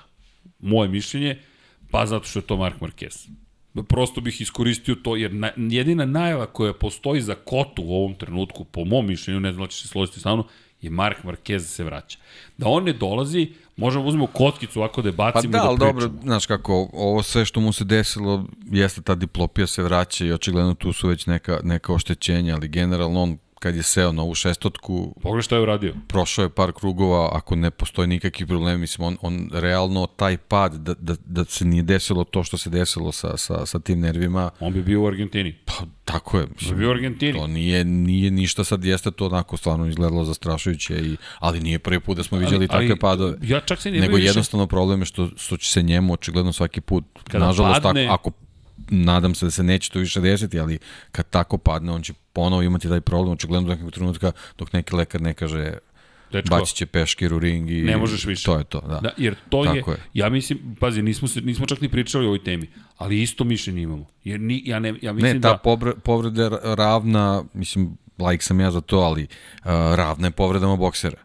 Udarac u glavu, udarac u glavu i onda, majstore, možeš da nastaviš sa ovim, a možeš Da i živiš. Da, da živiš. Da. Da budemo to vrlo je to. jasni. Tako da ta povreda ne Ali- utiče na njegovu Ne, ne, fizičku ne, ne. spremu. Ja čak da, nisam ni to htio da kažem. Znaš šta hoću da kažem? Verujem da je ovo sad, juče što je vozio, kad je se vratio u garažu, posle nekog pregleda, svi su rekli, ok, privatni avion, ideš u ali, Ameriku. ali bukvalno upravo ono što, što, što i hoću kažem, ja se uopšte više ne bavim padom. Cijela najava mi je Mark Marquez se vraća. Tačka.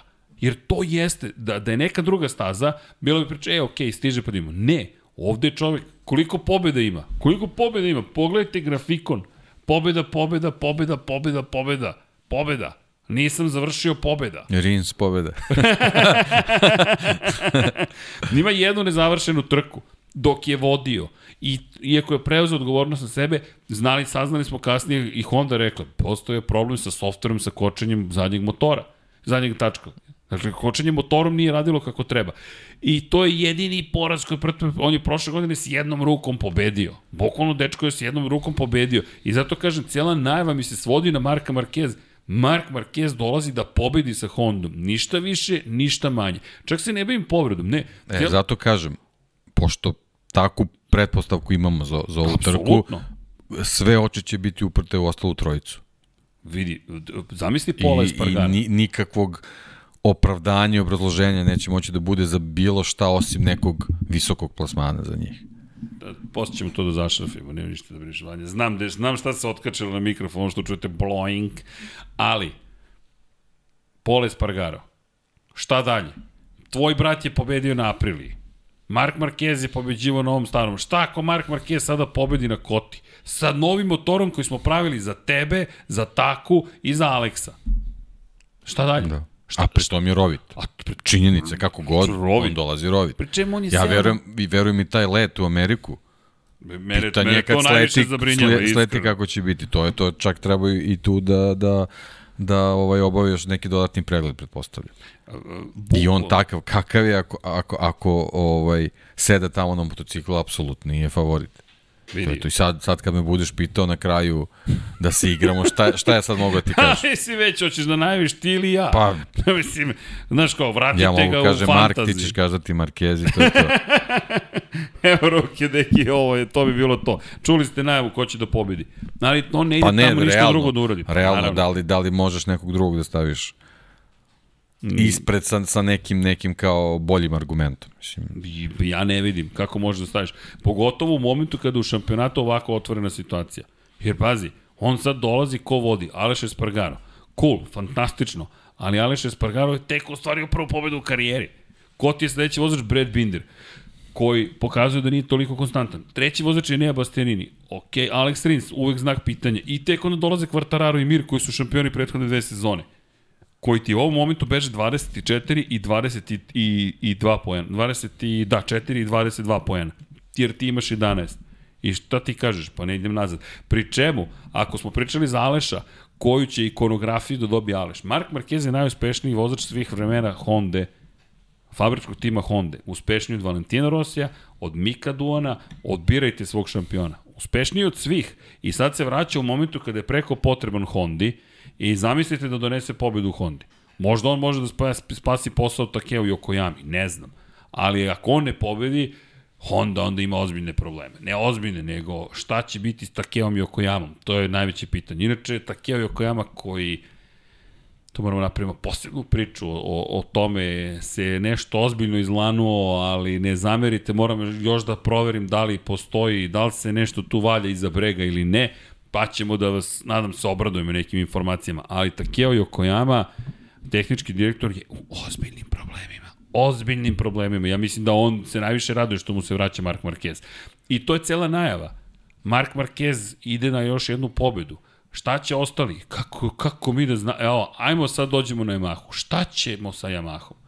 Franco Morbidelli je izgubio u jednom momentu duel protiv Derina Bindera. Meni je uz, uz uh, onaj osjećaj da će sve biti super sa Alešom Espargarom. Drugi utisak Argentini mi je izjava Franka Morbidelija kao, kako, ne mu sad tačno da, da ga citiram, ali nešto, idem na pobedu ili... Da, rekao je, ja, ja pobeđujem tamo. Znaš, mislim, to mi je ono, kao, okej, okay, koji je tvoj argument za to?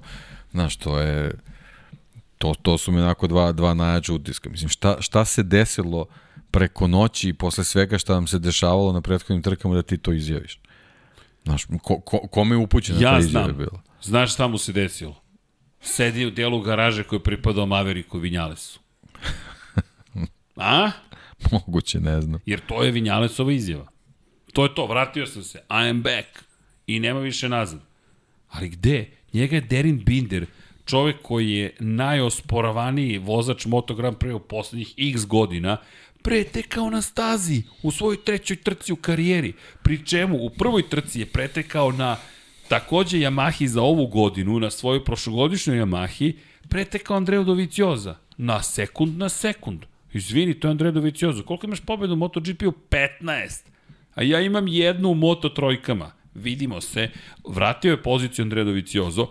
Osmi je bio na prethodnoj trci Derin Binder i sada uzme i Franka Morbidelija pretekne u trci. Da Aleš Espargaro sa Martinatorom nije vozio, vodio bitku kako je vodio ili vozio kako god hoćete, mi bismo vjerojatno gledali kako Derin Binder napada Franka Morbidelija. Franko Morbidelli je vice šampion. Fabio Quartararo je šampion.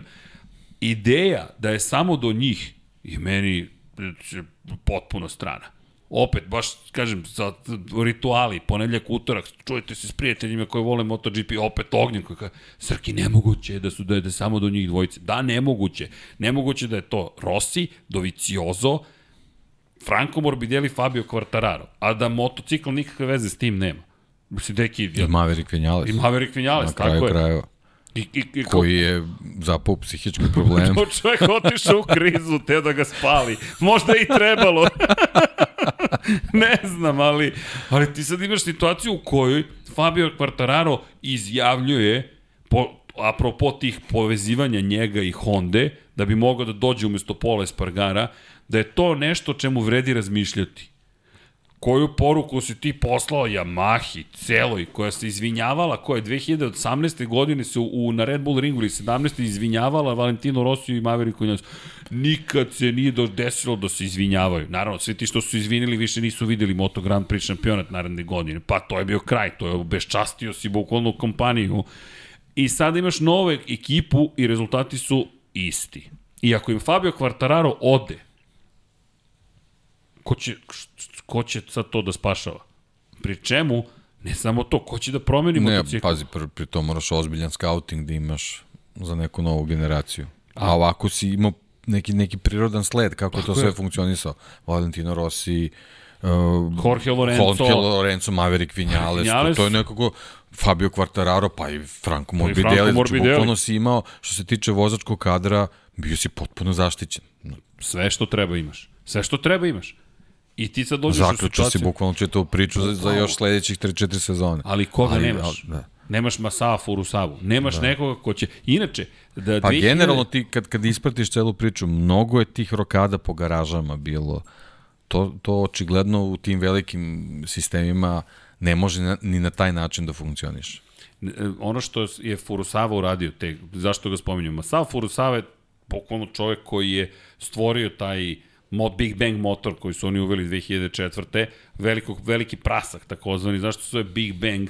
Zato što zvuči kao da, da, da Big Bang, da je veliki prasak. Bum, bum, bum, bum, bum, bum, bum, tako zvuči. Nije Screamer. Screamer se pali na 90 stepeni. E sad, taj Big Bang raspored paljenja je zapravo kombinacija kod, kod Yamaha je napravljena u toj celoj priči i on je napravio motor koji je izabrao Valentino Rossi između ostalog. Oni su imali i X, Y. Screameri najčešće, u jednom momentu su Screameri nestali bili u dvotaknoj eri, tamo 97 ili 8 ih je Mick Duan vratio, gde imate motor koji se praktično, pogotovo kod dvotaktaša, gde je takt paljenja od 360 stepeni, rotacija kolonastog vratila, i oni su ga baš palili 90, 90, 90, 90. Big Bang se palio u jednom momentu čak u 60 stepeni, to stalno pričamo, upališ sva četiri cilindra u četvorocilindričnom očirednom motoru u 60 stepeni obrtaja popularne radilice. Bum, bum, bum, bum, bum, ali to toliko brzo se popali da se čuje bum, bum, bum, bum, bum, bum, tako zvuči. I zato se zove Big Bang. I Furusawa je sve to uveo sa još cross-plane crankshaft sistemom i onda su dobili tu kombinaciju V4 i linijski postavljenog motora. Od onda, to je to. Rossi je, pričali smo o tome, lobirao tamo 2008. 9. za V4, nije se desilo, Yamaha ostalo dosta na ovome. Ne kažem da bi im to pomoglo, jer evo Suzuki pokazuje sa, sa, sa redno postavljenom četvorkom da može i to kako da se bude konkurentan, ali Aprilia V4, KTM je V4, Honda je V4, Dakle, vi kada pogledate V4 Ducati je L4, pošto mu je donji cilindar, jel te, stoji ovako, pa je kao slovo L, 90 stepeni mahom, imaju svi je ugao između redova cilindara i sad dođemo do Yamahe koja ništa suštinski nije promenila. RAM ostoje identičan kao što je bio, nema nekih ozbiljnih tu promena. Ducati je inače kada je Rossi stigao u Ducati odustao od ugljeničnih vlakana, od toga da je noseći element motor, to su jednostavno odustali su. Inače, tada motor kako stoji, kako je to ovaj cilindar ovde, ovo je ovde L motor, ovde je polu ram napred i dole je samo zadnja viljuška prikačena na, na, na karter praktično, dole na dnu motora i za, za, za blok je zakačen, nije bukvalno za karter, znači za donji deo bloka motora i to vam je bio motor, nije bilo rama. Kod Ducatija 2009. i 8. nije postojao, pa i 10. i 11. kad ga Rossi dobio, nije postojao RAM. Oni su uveli RAM, prvi put 2011. na kraju sezone za 2012. godinu i napravili su klasičan japanski aluminijumski ram. Nikad nisu koristili aluminijum, inače je Ducati bio čuven po čeliku zapravo. Oni su čelični ram imali kada su stigli u u Moto Grand Prix. Zašto? Zato što su im svi motocikli, motocikli koristili trelis takozvani lestvičasti ram od čelika. Ducati aluminijum počeo da uči tek 2012. godine. Yamaha umeđu vremenu ima taj svoj čuveni Delta Box i to stoji i stoji i stoji i stoji i ne kaže da to problem, ali nešto šta ćeš da menjaš. Uveo su genična vlakana, ja mislim 2017. ili 18. zadnju viljušku do geničnih vlakana, nigde nema nikakvog pomaka. Ko je uvodio pomake? Ajmo da uvedemo krilca Ducati. Ajmo da uvedemo sistem za spuštanje zadnje kraja Ducati. Ajmo da uvedemo sistem za spuštanje prednje kraja Ducati. Ajmo da uvedemo lopaticu ispod oplate Ducati ajmo da uvedemo bilo šta novo Ducati. Ko je zapravo, takođe, to isto je moment koji se zaboravlja, ali ko je promenio... A ne smemo da ga zaboravimo. A ne smemo da ga zaboravimo. Ko je zamajac stavio da bude spoljni zamajac? To, je isto, to se zaboravlja, a ne smemo da zaboravimo. Ducati je uzeo izvuko zamajac, zašto? Da bi mogao da menja zamajac, težinu zamajca u zavisnosti od toga na kojoj se stazi nalazi. Jer time izbegava da homologacijom začepi, prosto za, da za, zapečati svoj motor za cijelu godinu. Jer to je Suzuki bio problem kada je None prvi pot vozio Suzuki. Zamajac je bio problematičan. I tu imate sad milion nekih problema. Koja vam je težina kolenastog vratila, bla, bla, bla. Mislim, nije bla, bla, bla, to je mnogo ozbiljno. Ali ko je prvi uveo takozvani be, besprekidni menjač? Seamless gear shift, Honda, gde ti menjaš brzine bez korišćenja kvačila. To, pogledajte 2010. 11. i obratite pažnju na promene brzina kod ostalih. Moraš da uhvatiš kvačilo, moraš da uhvatiš kvačilo, moraš da uhvatiš kvačilo. Kod Honda ništa. Tap, tap, tap, tap, tap. I onda kvačilo se samo koristilo u niže stepene prenosa, pa je uvela čak i da u niže stepene prenosa ne moraš da koristiš kvačilo kada menjaš. 30 tink je dobilo po krugu, čuvena priča kada ih je David Emmet iz Motometra provalio, tako što su pustili promotivni video, pa on pustio u Soundforge, izmerio i rekao ovde nema menjanja brzina, be, ovo je besprekidno menjanje brzina i dođete do, nije beskonačni, beskonačni menjač, jer to je nešto drugo, to je, mada Williams testirao taj menjač, to je zanimljivo, ali dobro, to je neka druga priča, i dođete u situaciju da to Honda uvela, Yamaha pratila Yamaha pratila, Yamaha pratila, Yamaha pratila, Yamaha pratila. Pa kad ćemo da čujemo Yamaha napravila nešto novo? Nećemo čuti. Suzuki je prešao sa V4 na i4. Nešto su promenili. Aprilia je rekla, ok, uložit ćemo pare, maka, ne znam, dovešćemo Massima Rivolu, Yamaha imamo Lina Jarvisa, tačka. Čak su i Vilka Zilenberga pustili da ode u Petronas. Ili je to ili je to bio deo plana, ne znam. Ti dozvoliš da ti ode Ramon Forcada, koji je sa Jorge Lorencom pa da, ali, ali Petronas je sa, sa Morbidelijem i, i, I Kvartararom, i Kvartararom bio odličan. Pa konkurent za titulu. Koji je jedini pružio otpor 2019. Marku Markezu, kad je osvojio osmu titulu. Fabio Quartararo, debitant. Jedini. Ko je bio vice šampion s Petronasom? Franco Morbidelli. Petronas koji iz drugih razloga povukao svoje ne, sponsorstva, nevažno, da, nije važno. ali nije fabrički tim taj koji je to postigao. Do prošle godine kada mislim da im je Quartararo donio titul. I sad, koji je odgovor za Yamahu? Nemam pojma. Rossi, izvini. koji je odgovor? Znaš, jer te ovo su, ovo, i sad ako ti ode Quartararo, idemo nazad u krug. Šta onda? Ko će da menja tu? Ko će da vozi tu Yamahu? Baš je, baš je, tamo je možda i dramatičnija situacija nego u Hondi. Ne znam, jer, znaš, kod Honda napravili su novi motor, ok, i dalje imaju Markeza. Pa, znaš, vidi, posle Texasa, velika vrtnoća će Honda imati pobedu. I, a sad zamisli dovedu kvartarara. Jer, i što me ne bi iznenadilo, sada sve više, zašto? Uklapa se u ono što je Honda i pokušavala. Jer Honda je prvo pokušavala vozački da nađe balans u odnosu na Markeza. Imaš Danija Pedrosu, nije uspelo.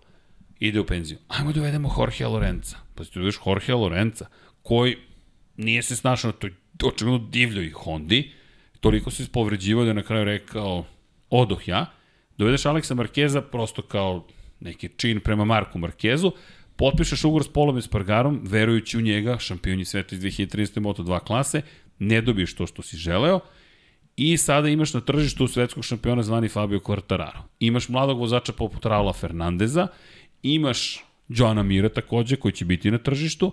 Ko, koji ima svoju cenu. Koji ima svoj, tako ima svoju cenu.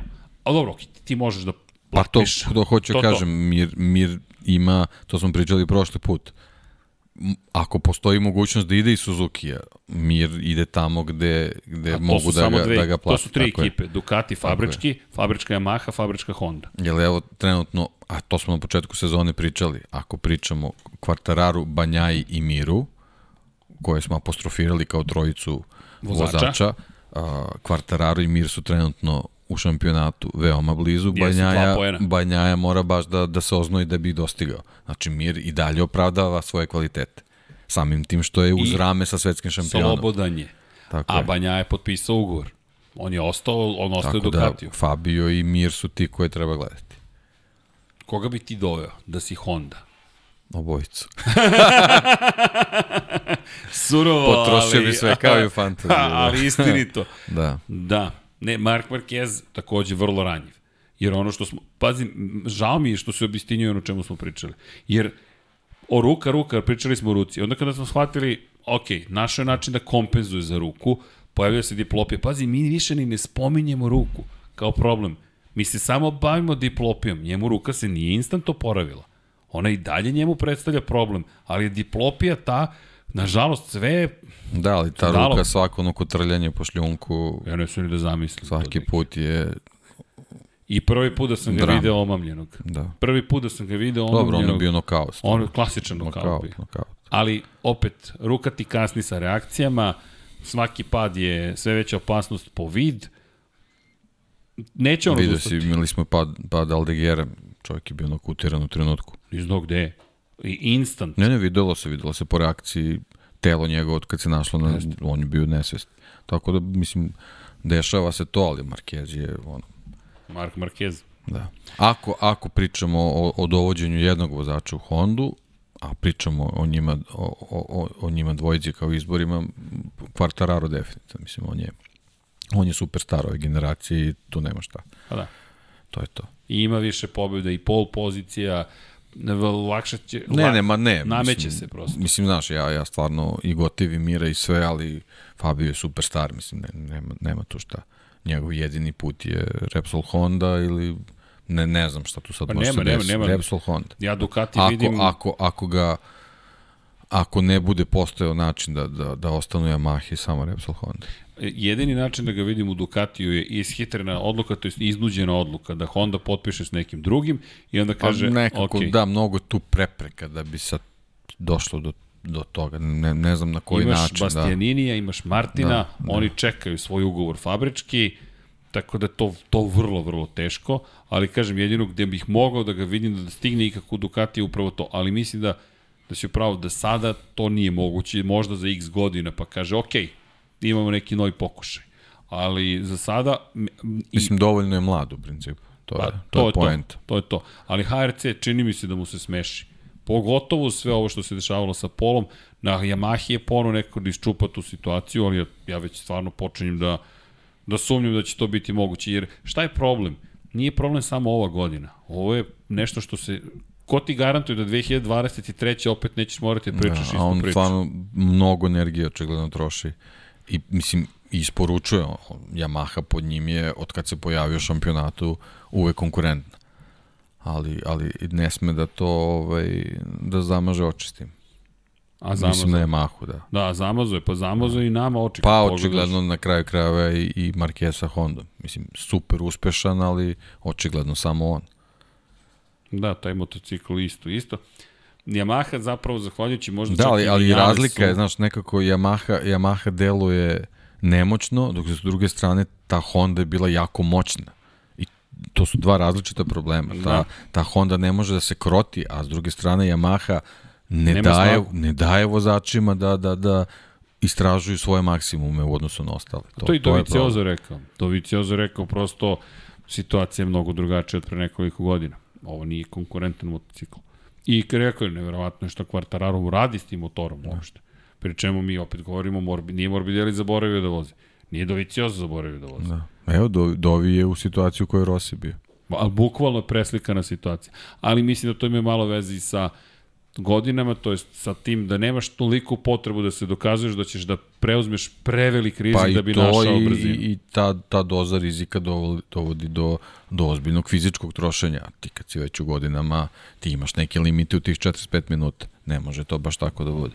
Tako da ponovo kapa dole Rosiju. Da, bukvalno, e, sve više cenim ono što je radio prethodnih x godina. Neverovatno. Sa 40. Posebno što je on prošle godine bio u ekipi. Sa 42 godine. Prošle godine bio u ekipi koja je očigledno bila već u raspadu. Da, ne, ekipa je već bila da, u Rasulu. Da. I to jer ja mislim da se Razna Razali više bavio jurenjem ugovora za 2023. i kako da spasi tim, nego što se bavio time kako da idemo da se trkamo. I mislim da je Rossi tu samo bio, ok, još jedan od putnika na, na brodu. Da, i neverovatno se to desilo. Neverovatno je. Um, ono što mi je žao, ok, nikoga ne krivim, ili to su situacije koje su se desile, ali mi je žao što neko u Petronasu nije rekao, čekaj, imamo ovakvu priliku, imamo Valentina Rosija u svojim redovima, nego se svelo na to ko je doveo Valentina Rosija u Petronas, a ne da imamo Valentina Rosija u Petronas. Jer šta je meni dalje poražavajuće, moram ti priznam, naj, najtužnija, a, ok, to su splet okolnosti, ali najtužnija priča iz te, iz, iz, iz te ekipe prošle godine su meni boje motora i oprema koju su oni prodavali. Ono je izgledalo kao baš se nismo potrudili. E, ovo je, ajde nešto da sklepamo i to je to.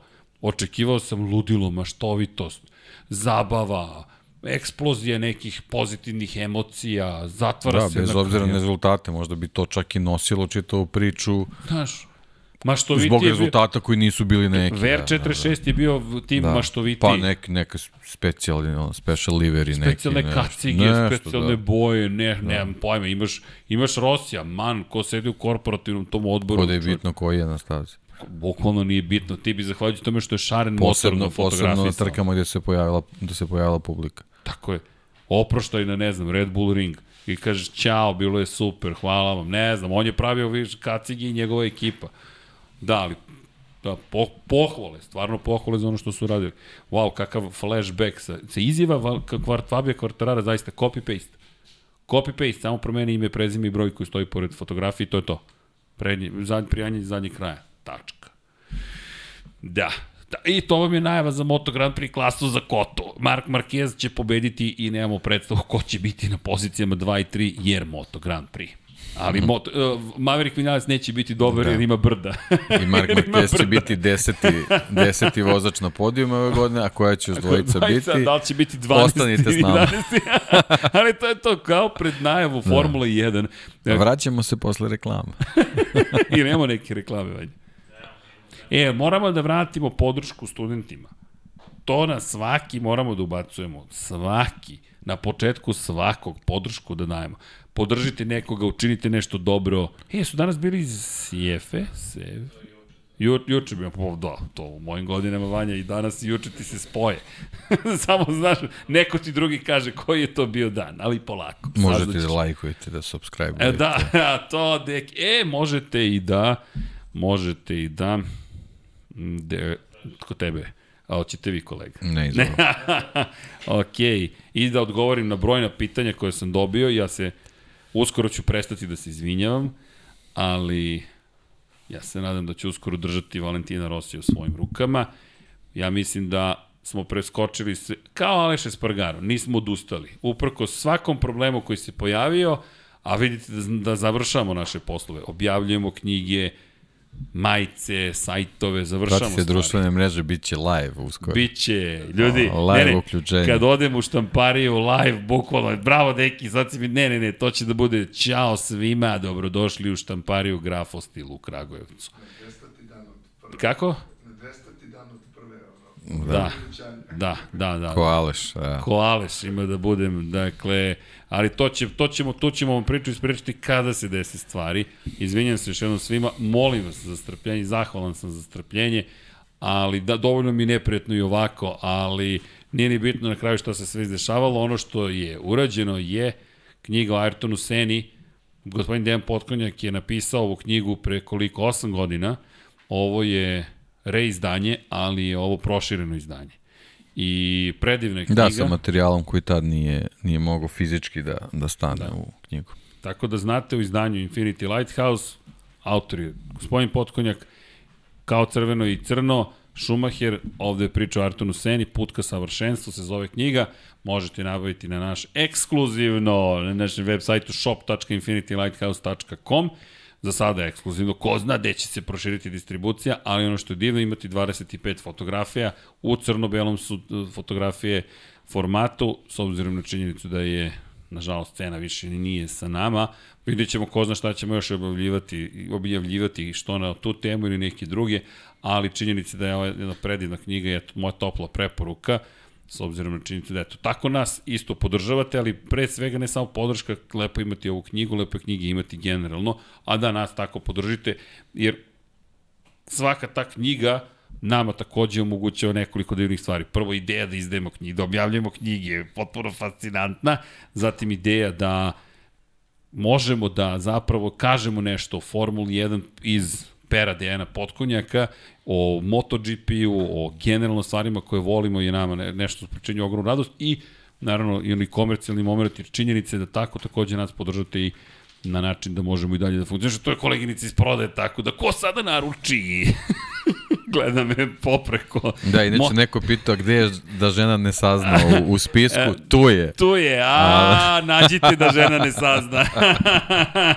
o, a, ali možemo da dodamo da žena ne sazna, da ne bi ni žena ipak saznala.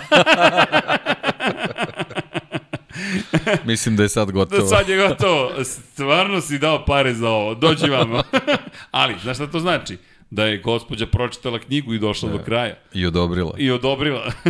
Čekaj, ko, da, inače, ko, ko je na Patreonu, ko je na YouTube-u kliknuo join i dao nam odobrenje, dobio im ime, imate i čitaćemo iz knjige kao što smo sinoć to uradili sve koji nas podržavaju, tako da eto, lepo ćemo se zabaviti. A i Paja u budući može da čita bez problema.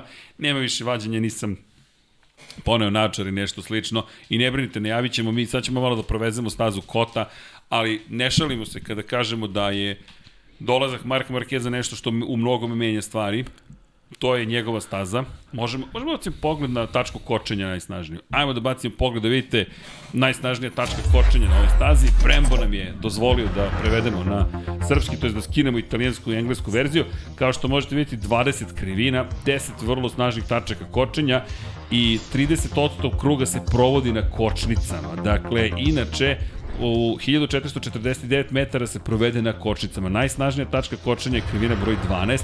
Staza generalno ne opterećuje kočeni sistem toliko, ali ova krivina broj 12, gde idu preko 330 km na čas, verujte je impresivna, 5,6 kg opterećenja na kočnicu, 12,1 bara je pritisak i brzina na ulazku je 65 km na čas. 323 metra je zaustavni put, maksimalno negativno ubrzanje 1,5 sila zemljine teže. Možete sami videti 274 km razlika između maksimalne i minimalne brzine na ulazku u ovu krivinu i skoro 7 sekundi provedu na kočnicama na ulazku u krivinu broj 12. Čisto da se razumemo Plus moment asfalta. Plus moment asfalta koji je, misliš, plus moment asfalata. Da, da. Ali ne znam šta je. Mislim onaj, onaj nov, da. da. onaj novi. Inače, da. staza je presvučena delimično. Da, znači asfaltom. blaga nepoznanica. Da, i ono što su prijavili u Naskaru, jeste da je novi asfalt fantastično... Što znači nema nikakve veze sa motociklima, pošto je ni Formula 1 nije je. smetal. Da, ali Tako novi... da nam ta izjava ne znači ali, ništa. samo, e, imamo, a ne, ne, ima, ima komparativ, ima komparativ. Aha, novi ajde. asfalt pruža visok nivo, koef, visok koeficijent trenja, to jest prijanjanja ima, na starom asfaltu ga nema. Ili ti Mark Marquez će biti brz na starom asfaltu, a Yamaha će biti brza na novom asfaltu. Šalu na stranu, ali ja ne očekujem da su odjednom neravnine magično nestale, jer to ne funkcioniše tako jednostavno. To je inače močvarno tle koje će nastaviti da tone. Jer, Podzemne vode su čudo. Podzemne vode su čudo, ta priroda. Voda Pogledajte nađe put. Beogradske ulice. voda i ljudi uvek nađu put, tako da u slučaju Teksasa, pa dobro, i voda i ljudi nađu put, ali činjenica je da voda nije našla put da konstantno zapravo pravi probleme na samoj stazi i ne znamo šta će nas dočekati iz perspektive motocikla, koliko smo pričali na najavi Formula 1 što kažeš, kako li će se ponašati bolidi na neravnoj stazi. Oni, ovi, ovi novi skaču sami od sebe, njima ne treba nerava nasa. Ovaj, da. ovaj ple, plešu ples. Da, kad dođe na kotu nećemo znati zašto skaču. e, ali to jedva čekam, ali do kote će oni to rešiti, ja mislim to je oktobar, ili tako? Pa dobro, sad je već, ako je ta podloga sređena, nije ma pravo. da, ma da. Pa dobro, u Saudijskoj Arabiji, dobro, to je neka druga priča, to je neka druga priča. Dakle, ovde ne znamo ko će da skakuće, šta će da se dešava, jedva čekamo prve treninge, ali eto, čisto da znate da kako izgleda i ova staza iz perspektive kočenja, ta krivina 12 Kakvi smo sa tajmingom, isto smo popodne nešto. Evo, da... sad ću ti re... Inače, Formula 1, ko voli Formula 1, krećemo u 5 ujutro, petak, subota, prvi trening je 5 ujutro, 8 ujutro, drugi trening, 5 ujutro, ne, petak je 5 ujutro, prvi trening, subota 5 ujutro je treći trening, kvalifikacija od 8, trka u nedelju od 7 ujutro. Međutim, kada je reč o Moto Grand Prix, popodnevni časovi, tako da imate celodnevno druženje, bukvalno samo izvinjam se da mi učita cet vreme, da ne idemo po lokalnom vremenu. I, e, šta misliš, da li će uvesti noćnu trku tamo? E, ne želim to, ali samo kažem. Od 16.00 krećemo u petak, Moto dvojke, pa Moto Grand Prix, pa Moto 3, pa onda Moto 2, Moto Grand Prix, pa Moto 3, da, zatim u 16.00 u subotu Moto 2, pa Moto Grand Prix, pa Moto 3, pa onda Moto 2, pa Moto 2, to je Q1, Q2, pa Moto Grand Prix trening 4 kvalifikacije Moto trojke na kraju. I dođemo do nedelje, imamo jutarnji treninge od 16.20 za grevanja, popularna Moto dvojke, pa Moto Grand Prix, pa Moto 3 i Moto 2 trka je prva u 18 časovi 20 minuta, u 20.00 je Moto Grand Prix i u 21.30 je Moto 3 klasa. Mislim, gotovo pa savršeno. Gotovo pa savršeno. Da su super promenili raspored, s obzirom na činjenicu da Moto trojke dolaze poslednje. Zašto? Da su ostavili Moto dvojke poslednje, mislim da bi se desio veći pad, jer su Moto trojke toliko zanimljive da većina ljudi jedva čeka Moto trojke. Moto dvojke su malo drugačije, to je onako malo sladokusce motociklizma, e, uvod dobar. Ja za druge sladokusce, nedelja 10. april, 17.30, Manchester City, Liverpool. O, ja u šoku razmišljam šta sam zaboravio. Sad si me tiltovo. E, Tako da, tajming je savršen, nisu mogli bolje da uklope. Odlično. Ne, ovo je bio moment uh, think, Homer, think. Eat the pudding. Gotta eat go. the pudding. Razmišljam šta sam zaboravio, da kako je moguće, nisam ništa, ali dobro. Pomislio se da nije NFL. Jel ideš u Minhen? Peške. Već je krenuo, već je krenuo. Čekaj, kad je rekao Tomice da se vraća, ja sam samo rekao ne, ovo je posljednja prilika da vidim tog čovjeka kako igra uživo. Nije, nije bitno za koga navijete. To, te, neki ljudi postoje koje morate da odete da vidite. I još ti baci loptu. Ma i da, da, potpiše mi, kaže Srki, ja kažem, to je za studiju na kraju univerzuma. uradi touchdown i baci njemu loptu. Da, da, a ja pitam, a gde za, a ja mu vratim, a gde je za Vanju? Njemu ću posle, zvao me Vanja. ne, kao, hoćeš još jedan touchdown. Evo, evo sad će. sad će, sad će, sad će. Ja, ne, ja mislim da bi koleginici iz prode dobila taj, to ipak loptu. Mada, mada, koleginici, ona ni ne navija, ni ne prati NFL. Šteta što Dom Pablo nije večeras ovde, da nam kaže ko je za Raiderse.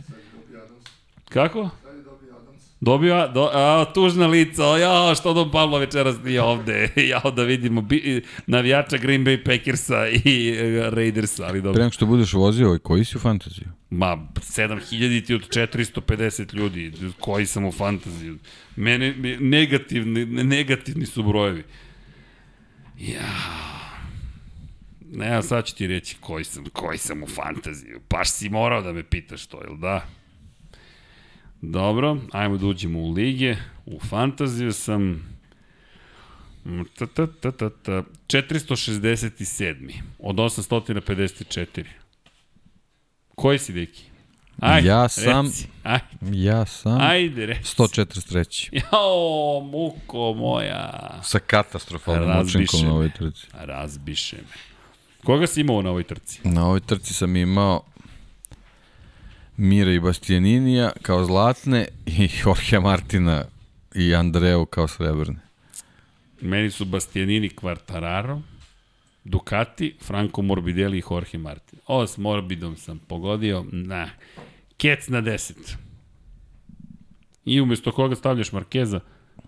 A moram da vidim, sad, sad sam u problemu s novcem, znaš, to nije baš, nije to baš tako jednostavno. Ne znam koliko Marquez košta, čekaj, to moram ja, da vidim. A da li znaš ko je doneo ove godine najviše poena? Gde to mogu da vidim? Imaš kad odeš gore na Stats centar, tu istražuješ vozače. Total points. Season point, da. O, actual GP points i total points. Total points to misle na fantasy, ali tako? E, čekaj, da. Čekaj, Aleš 71, je li to? To je to. Da, da. I tako. Jorge 408 imam. Ne, Binder, izvini, 74 pojena. Gian Mir 73 to, imam. To ti to. Ja ne, Bastini 65 imam. Gde je moj problem onda? Čekaj. Ne znam. Ne, moj problem je Ducati, to sam rekao, tim, da. To je moj problem. Da, od konstruktora da, da. Suzuki donosi najviše. A znaš da sam imao Suzuki? Lepo e, čekaj, kultu. samo da, šta smo htjeli? Uh, da, da, Marquez, samo da im koliko... Ne, nije, Total Points. Nije, Ducati ti je dobar sa Total Points. Ma kako dobar? Mark Marquez 3,1. A pa mogu da priuštim. Sad ću to morati da iskombinujem malo. Mogu, mogu. Sad ću morati da mućnem malo glavicom i da rešim. Da rešiš pitanje. A, imam rešenje, ali neću ti kažem. Hvala, e, dobro. Hvala ti. Hvala ti. Hvala okay. ti. Dežani. Evo, neko, ti, u, neko je nam je uplatio. A, Stevie G. 376 Stevie dinara. Nema, nema nedelja. Da. E, inače, ko voli kačkete? Samo znate, kačketi su u prodaji već neko vreme, ali ih nismo promovisali previše, pošto imamo ograničenu količinu od samo, ja ne znam koliko ih je ostalo, 80, na primjer. Manje. 60. Oko 60 ih još ostalo. Kada će biti nova tura? Nemamo pojma. Ali hvala.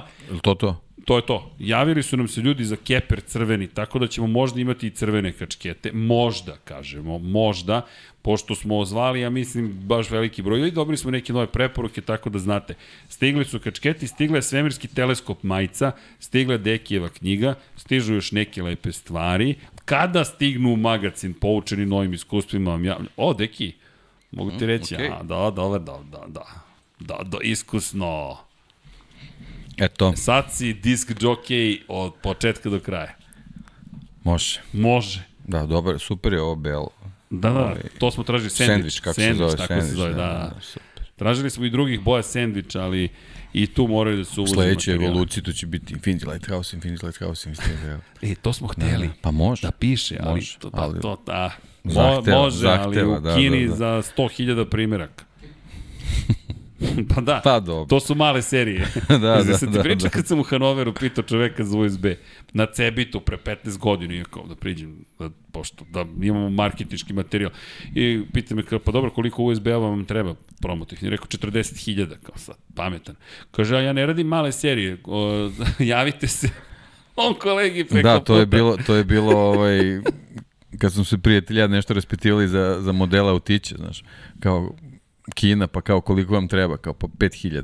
Ha, sa više A. da, ono kao, 5000 u redu je. Jel ti rekao dobro? Ma ne, nije me nigde poslao. Samo je prekinuo vezu. Da, A dobro, da, dobro, mo, Sve okej. vredilo je pokušati. ma da. Učili smo lekciju. I šta, je rekla lekcija na kraju? Da. Dobro, uh, čekajte da vidimo ovde. Uh, ok, posle ćemo fantazijom da se pozabavimo, ali proći ćemo i Moto dvojke i Moto trojke, ne brinite. Nego, Vanja, jesam spreman, šta ti kažeš? Ja, ti mi Vanja kaže, jesi. Dobro, back to game. Idemo quick mod 1. Ne, New Grand Prix, to ne, to, to ni pošto, to tek ni pošto. Time trial, jedan kratki, brzi, ali Jack, prijatelju, stari, bojim se da ovoga puta neko drugi će dobiti priliku da da se njime Tako vozi. je. Red je, red je.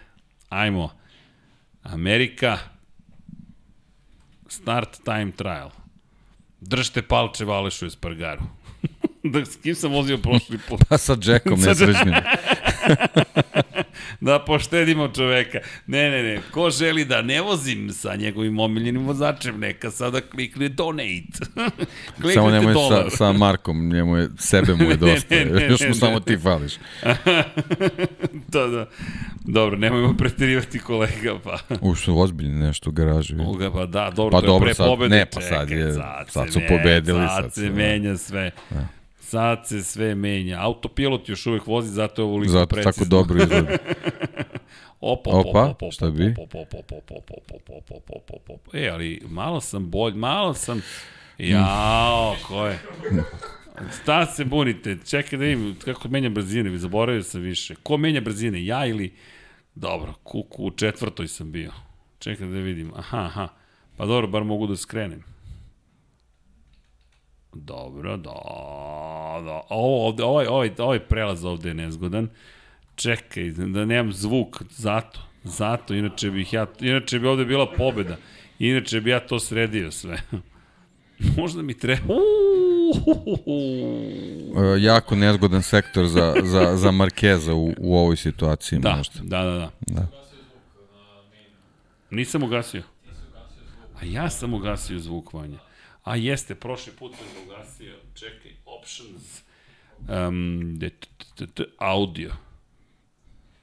Ah, Master volume. Evo ga, master volume.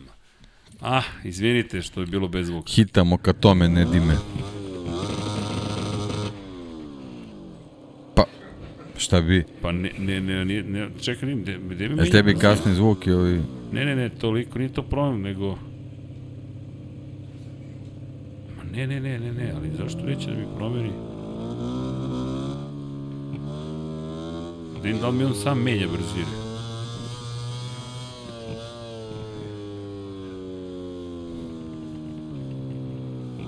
Aha, evo ga, našao sam da menja brzine.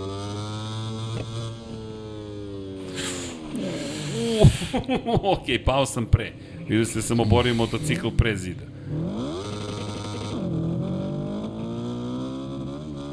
Dobro, sad znam da se menjaju brzine. Mislim da je bolje da namestiš na automatiku. Čisto da bi prošao krug. Deki, u mene sumnjaš. Ali se ja potpunosti slažem sa to. Instant sam se složio sa Dekijem. Dobro, hoćemo da zaustavimo. Ovu neprijatnu scenu ćemo da zaustavimo. Nije se desilo, čekaj. Dobro, nekad sam bio bolji u ovome. Um, tepe, tepe, gde nam je? Aha, ne, ne, ne, ne, ne mogu da... Čekaj. Kako? Nije mi tu. Gde je? Moram da izađem, ili da? Da, a i bolje ova scena nije obećavala previše. Yes. Neću restartom. Ja, kliknuo sam restart. Aha. End session. Da. Ajmo mi sada.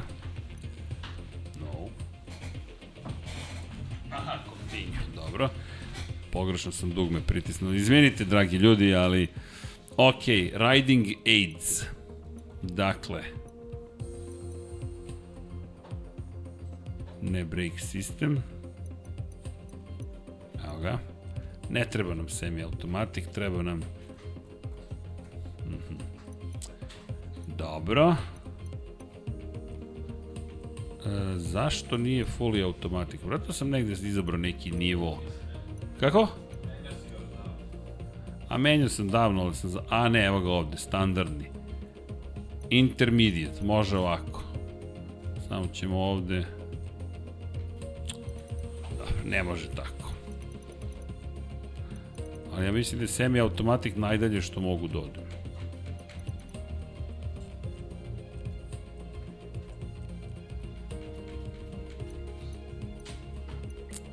Dobro.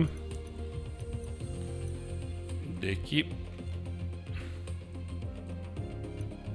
Semi-automatic. Dobro.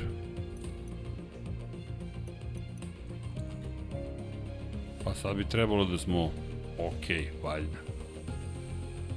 Sad ćemo mi to da absolviramo, ne zamerite, ali makar da vidite stazu iz jednom, makar jednom da vidite stazu.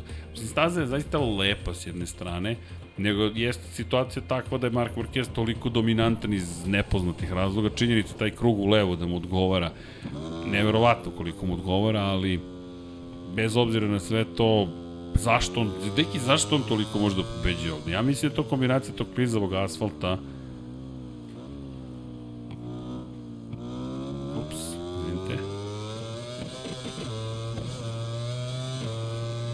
Koji za vas, je vjerojatno tajna dobrog da. izlaska na, na zadnji pravac.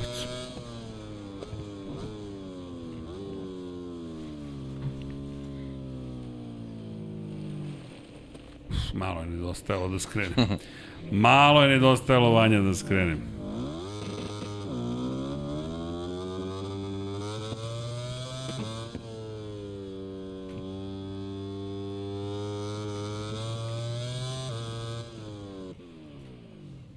Uf.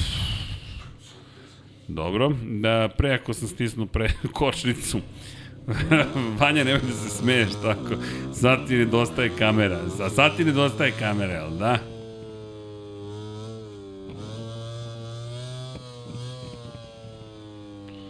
Dobro, ovde malo sam stišao sa staze, ali zanimarite taj moment.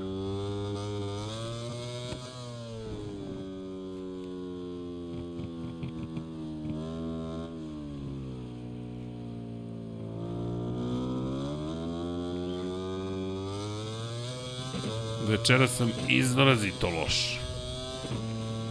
Kao inače nisam. Ne, ali da, GP21 mnogo teži od 20, makar meni.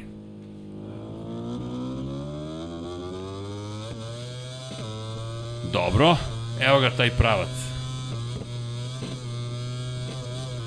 I stvarno bi mogao da počnem da vežbam ove igrice i onda da se uozbiljimo po tom pitanju.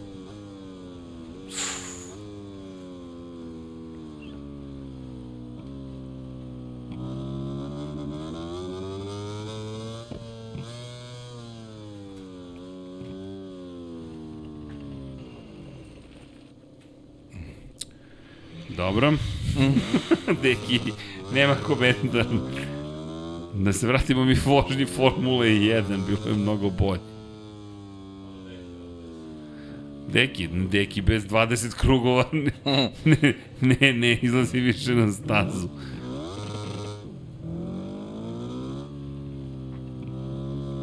Dobro. E, coach, može neki komentar? Kako? Kako? Neki odustao od mene. Od Ne, komentara. ne, ne, kačim Da post. mi neki. pomaže. Nemojte sad da me prekidate. Deki je u društvenim mrežama trenutno. Op, sup, sup, sup, sup, sup, sup, sup, sup, tu neću ukočiti sigurno. Dobro.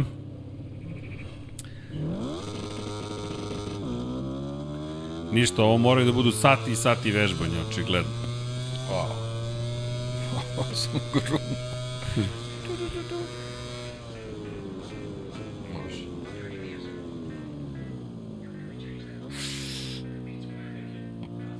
Sve je okej, okay, sve je okej, ja moram, ne vredi. Ne vredi. I ovo je zaista zahtevna ova druga krivina.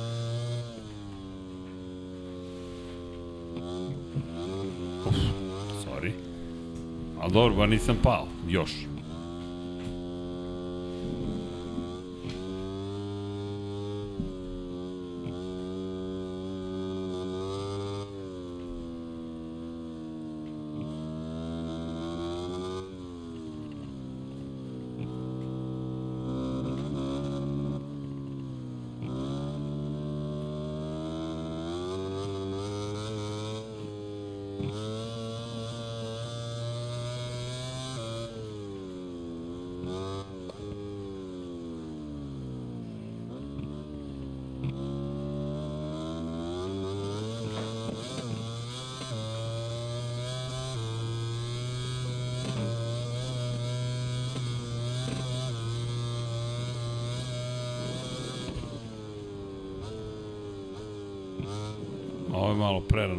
Kočenje, ali dobro, ajde sad.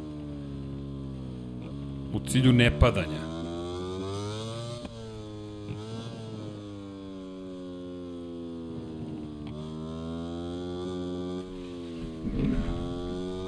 Ovo je baš važan sektor ovde. Ah, agonija. Samo malo jače sam bio sad na kočnicama.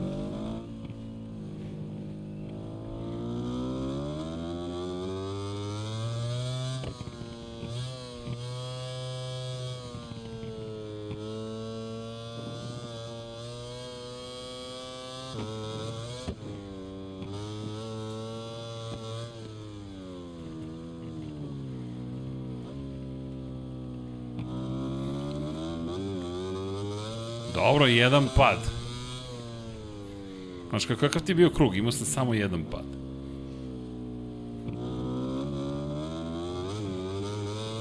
Pa dobro, deki. Odlično. A, Odlično. Napeto je bilo. Moram priznati, napeto je bilo.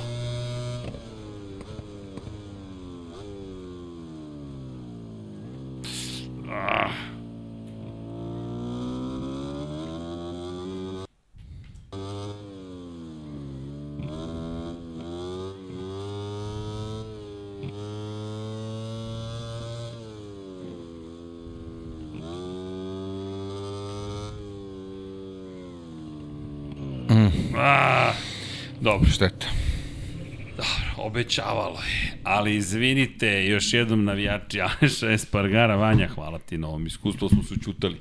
Ovo je bila puna koncentracija, ali nisam uspeo. Dobro, Biću bolji u fantaziju. I, pošto niste videli stazu Amerika, kako je trebalo da je vidite, to je vrlo loše Vanja, Vanja samo pogleda dole. Mislim da ga je sramota od svog starijeg, mnogo starijeg kolegi trenutno, ali to je u redu. Elem, da se mi vratimo na Argentinu i Ameriku i Moto dvojke. Celestino Vieti. Deki Celestino Vieti i Ver 46 Muni ekipa. Kada pogledamo kako to izgleda, ovo su one šampionske godine, Pa da, Franko imaju- Morbidelli, Francesco ima Banjaj. ono što Bec nije imao prošle godine. Tako je, baš ima To je ekipa. to. Ima ekipu, vidi Baš se- vidi baš se baš, se, baš se dobro pripremaju za svaku trku, a i on je onako baš u nekom dobrom modu. I dobro raspoloženje, Da. dosta agresivan, ono što je fascinantno. Ovoga puta je, na, a, ja mislim da je da. ovoga puta zastrašio protivnike. Malo je za moj ukus bilo previše ono što je uradio sa Aldegirom. Mislim da je, ne mislim da Ma, je išta uradio... splet nezgodnih okolnosti, okolnosti, da. ali on je taj koji to inicirao, mislim, generalno. Napravio grešku svojim- Da, da, i da, ono da. vraćanje na liniju mi je Da. moraš da ostaviš dovoljno prostora. Dakle, to je priča ono Pedrosa, Lorenzo, da, Doviciozo, ko je to bio, Jerez 2018. godine, gde Lorenzo pravi grešku i zatvara vrata. I nailazi Pedrosa, lansiraju se obojice i pogađaju, karambol, Karambol. pogađaju Dovicioza. Koga bi? Koga bi? Ko je magnet Jer- bio? jer Pa, ko koga bi bi, bio pa da. magnet, tako da. je. Tako je. da, i Doviciozo koji na ovoj stazi imao bio magnet isto tako za, za nesrećne situacije. 2016. Gde Dovi godine. nije bio magnet. Bukvalno, 2006, u, u Argentini 2017. u Teksasu 2016. ni manje ni više Dani Pedrosa. Kad nema nikog, onda zaboravi da deaktivira sistem. Da, da, za whole shot. Da, A, da. neverovatno. Da. Ali to je Andrea Doviciozo. U svakom slučaju, Zato da. je simpatičan. Pa, za, Pa za, da. pa nekako ga voliš. Ali Mislim da, Celestino- to je sad već neka prošlost, ali eto. ali uvijek će biti deo njegove da, priče. Da.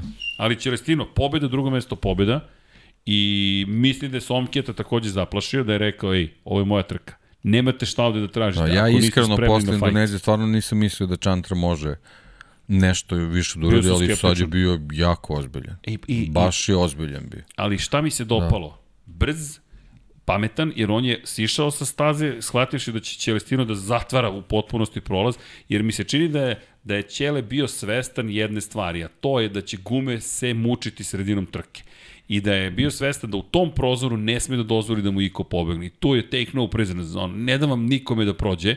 Zatvaram Aldegira, zatvaram Čantru, zatvaram Aldegira, zatvaram Čantru i sada kada vas dovoljno zastrašim, gume će mi proraditi. E, Imam utisak da su to uradili, jer nekako zaboravljamo i to, a to ne smemo da zaboravimo, petak nije postojao. U petak je bio prazan dan, slobodan dan, ljudi su došli da karnevalsku neku atmosferu da stvore.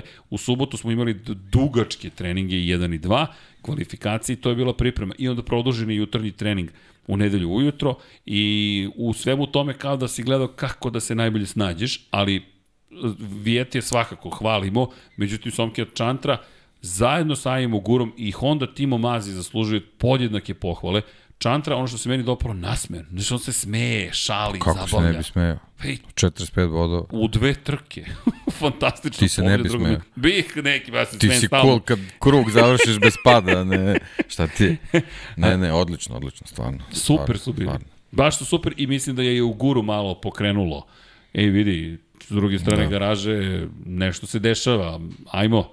I ta treća pozicija, velik dan za, za nisu pobedili, ali kao da jesu. Tim Honda, i Dimicu Honda može da bude prezadovoljno. Imaš dva čoveka Da. na pobedničkom postoju. Pazi, Čantra, dečko je sa Tajlanda, znamo šta vuče poreklo s Tajlanda, on može da postane ozbiljan igrač u čitavoj Da. priči. Da, da, da. Za korak napred. Za korak napred, da. A da ne pričam više. Pa samo pazi. to, samo to. Ma vidi, ja, kad tako postaviš stvari, a mora tako da se postave stvari, Red Bull može da otvori vrata Alex Marquez bi mogao da bude taj koji bi mogao da bude pod znakom velikim pitanja u toj kombinaciji. Da. Jer ti odjednom Ne, imaš... ne, ova kombinacija sa ekipom i poreklom svašta može da donese. Da, a Tajland je i veliko da. tržište za Hondu. Pride. Dakle, imaš vozača sa Tajlanda, trka na Tajlandu ove godine na programu, vratit ćemo se i sledeće godine na Tajland. Ne, ako Red nastavi sa ovako Tajlanda. dobrim izdanjima, ludilo na Tajlandu. Ja ne znam šta da, će da nas dočeka kad stignemo tamo, pa i da ne nastavi, mislim da će ga dočekati, ali ako nastavi, to, to će biti pravi haos. To je ono što mi malo nedostaje u Indoneziji. Nije bilo malo gledalaca u Indoneziji, ali ta ludnica Tajlanda, o, onog momenta kada dođeš i gledaš na stazi i kako ljudi fanatično navijaju, jedva to čekam. I Maleziju isto jedva čekam, ali dobro, to je sad kraj godine, da vidimo publiku koja, koja je toliko že, pa Argentina je isto bila prelepa iz te perspektive, koliko su bili željni zapravo Yes. trkanja. To je nešto isto baš bilo lepo, ali sama trka mislim da je obeležena tom agresivnošću Celestine Vjete, ne mislim ništa loše po time i još jedna stvari, a to je najmlađi osvajač pol pozicije u istoriji sporta. da, da nema, nema šta loše da misliš, ali jednostavno Aldeguer je, dečko, baš previsoku cenu platio tome što, što je želeo da izvuče maksimum iz, iz, iz, dobre, iz dobre priče. Znači, jednostavno ovaj, kompromisa nije bilo, ali nažalost baš je, baš je skupo platio. najskuplje moguće. I baš je, baš je bilo skupo. I ono što je šteta negde, Bosko Skuro, Bosko Skuro, svih, pre svega, ej, da, Bosko da, Skuro kao da. proizvođač, kao konstruktor, pobedi sve. Jer to jest kad se Aldeguer pogleda, pogleda izdanje Fenatija, Aldeguer je bio fenomenal. Jeste, a nije preiskusan vozač, naprotiv, on je de facto Novajlija. Pa međutim, upravo to, da je malo iskusniji ali tako Ne bi- iskustvo. ne bi bilo te Ne situacije možeš da ga kupiš, ne možeš da, Da, da da, istreniraš da, da, iskustvo. da. Mislim da će biti pametniji za, za, za jedno ozbiljno iskustvo, ali iz perspektive toga što pričamo, pazi sad Čantra koji se otvara za Moto Grand Prix, Aldegir, ja samo čekam ko će da ponudi ugovor Aldegiru, jer to je to je neko koga želiš u svom timu. Ja bih volao da ga vidim u Moto Grand Prix, mom timu, da imam tim. Da. Mada Ja možda, rekao. možda za njega korak da prvo neki uzbiljni Kalex. Moto2. Pa da, da. Neki uzbiljni Moto2 tim. To bi onako bilo najrealnije, mislim, i za njega. Pa da, stepping stones. Mislim, Ali- pričao sam, ja, ja to zaista zastupam. Volao bi da vozači duže ostaju u dvojkama. Bi- Pa bilo bi lepo. I, I u trojkama i u dvojkama generalno, da. Tako da, da mislim da, da u jednoj sezoni ne možeš ti da pokažeš sve što znaš, ali ovaj, ti preveliki skokovi mislim da nisu preporučljivi baš svima. Nije svako Da, taj da, tip da. vozača. Pa evo i skok, kada gledamo, pričat ćemo, ajde, i o Pedro Acosti skok u Moto dvojke, vidi se da nije vozio te motore. Da, opet, ponavljaću tu priču, Moto trojke je vozio i pre dolaska u šampionat sveta Moto 3 klase. Moto 2 motocikli upoznao tek u novembru prošle godine. No, da se zadržimo za sada na ovim vodećim, najmlađi osvajač pol pozicije u istoriji sporta, u srednjoj kategoriji, to je naslednica kategorije 250 kubika. Mi pričamo o tome da je oborio rekord koji je Jorge Lorenzo držao 17 godina. I to je neverovatno koliko je Fermin Aldeguer zapravo mega talentovan u celoj priči. Da, krećemo od pobednika, ali mi pričamo o klincu koji bi zaista mogao da promeni mnogi stvari. Da. Jer to je sada pogotovo uz uvođenje te starosne granice od naredne godine da moraš da budeš punoletan da bi vozio u svetskom šampionatu, možda poslednji vozač koji će moći da obara neki od rekorda. Da. Najmlađi pobednik u Moto Grand Prix, to je čast koja pripada trenutno Marku Markezu. Freddy Spencer je držao taj rekord, ljudi, koliko? 30 godina. On je 2013. ga oborio Mark Marquez, sad će 10 godina od kada je postao taj rekord. Fermin Aldeguer, ne kažem da će to uraditi, ali to je jedan od redkih toliko mladih vozača da je toliko brz i dođe do pol Da, pa nešto ima, to se ne radi slučajno. Tako je. I još da. na Bosko Skuru protiv Kaleksa. Meni je to baš bilo impresivno, ali ej, kada pogledaš šampionat koliko je kvalitetno, e, u druga vrsta kvaliteta u odnosu na Moto Grand Prix, gde je sve potpuno otvoreno, Aron Kane je treći, drugi u šampionatu, drugo mesto, treće mesto, četvrto. Jeste to, ide da. Na dole, ali opet Da. je tu Tu je, tu je. tu je. Čantra, da, nije završio prvu trku. Pobeda drugo mesto. Ajo Gura, šesti, šesti, treći. I Sam Lowe's je najveći podbačaj. Da. Treći, četvrti, Da. Ja sam zbog svega toga što pričaš stvarno im osjećaj da ćemo imati spektakulnu trku ovaj, u, u Argentini u Moto dvojkama, ali prvo ovaj, pada da Fernandeza kažem, i onda da. ovo što se desilo sa Vijetijem i Aldegerom poremetilo je to, ali, Ali, ali, ja mislim da si, da si namirisao pravu sam da, stvar. da bi bilo da, da, da bi Da je bilo Aldeguer žestoko. ostao na točkovima. Ja I da mislim je da- Fernandez ostao Tako u je. toj priči, mislim da bi prštalo To su sve. četiri vozača Da, u borbi da, za da, pobedu. I, I još jedna stvar, mislim da bi Čantar bio agresivniji kada bi imao i Aldegera da napadne Vijetija. Jer Vijeti u tom momentu ne može da se fokusira samo na tebe, ti Tako je. možeš da iskoristiš priliku. I još jedna stvar, Augusto Fernandez je u toj priči najiskusniji vozač. Da. I mislim da si baš dobro bio namiris. I kada sve Fernandeza u, u, u Baš, U šljunku da. razmišljam, ne sada čoveče, sad ti ovo poslednje što ti treba, zašto? Zato što to menja njegovo stanje u šampionatu. On je sada na 24 pojena, 46 bodova iza Vijetija. To je velika razlika. Četvrti, peti si padneš. Verovatno će biti situacija u kojima ni Vijeti neće biti u samom vrhu, ali u ovom momentu Vijeti, to je taj početak sezone koji je odvojen nekako od evropske turneje. Ti sada završavaš veliki broj stvari i pričali smo koliko su ove četiri trke velike, pa čak i peta, Portugal i dalje nekako Herez je početak, onaj pravi, pravi, Da, pravi da. početak. To si ti lepo rekao. Da. I sad u ovom momentu gubiš neke vredne pojene, kako ti to utiče na psihu? Hoćeš biti sad agresivniji u Americi? Da li sada već počinje situacija u kojoj ti kažeš moram da vozim agresivnije i onda rizikuješ veći broj grešaka. Jer ako pogledaš među vodećih koliko, 10, imamo dva vozača koji nisu stigli do cilja u, po jednoj trci. Augusto Fernandez i Jake Dixon. Pohvale za Dixona što je bio peti, ali ovo je sezona u kojoj moraš, ne i Chantra nije završio, zaboravio sam Chantra, u kojoj moraš baš da budeš konstantan. Baš moraš da budeš, jer Vijeti je postoje. Vijeti ima već 21 poen prednost odnosu na Kane. On će uskoro ima pobed. Pozdrav za dragog imenjaka, gospodine petak. U stvari ja sam, na, ja sam u Americi.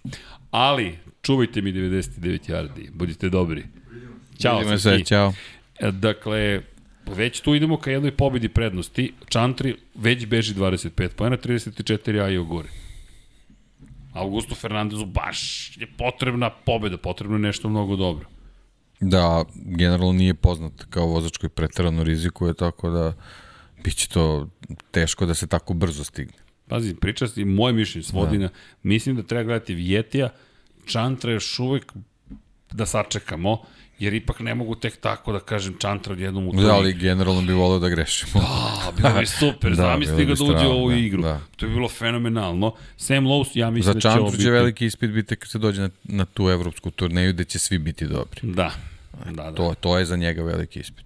Da, ali u Americi, da. ja mislim da bi on mogao u Americi, da ova staza može da mu odgovara.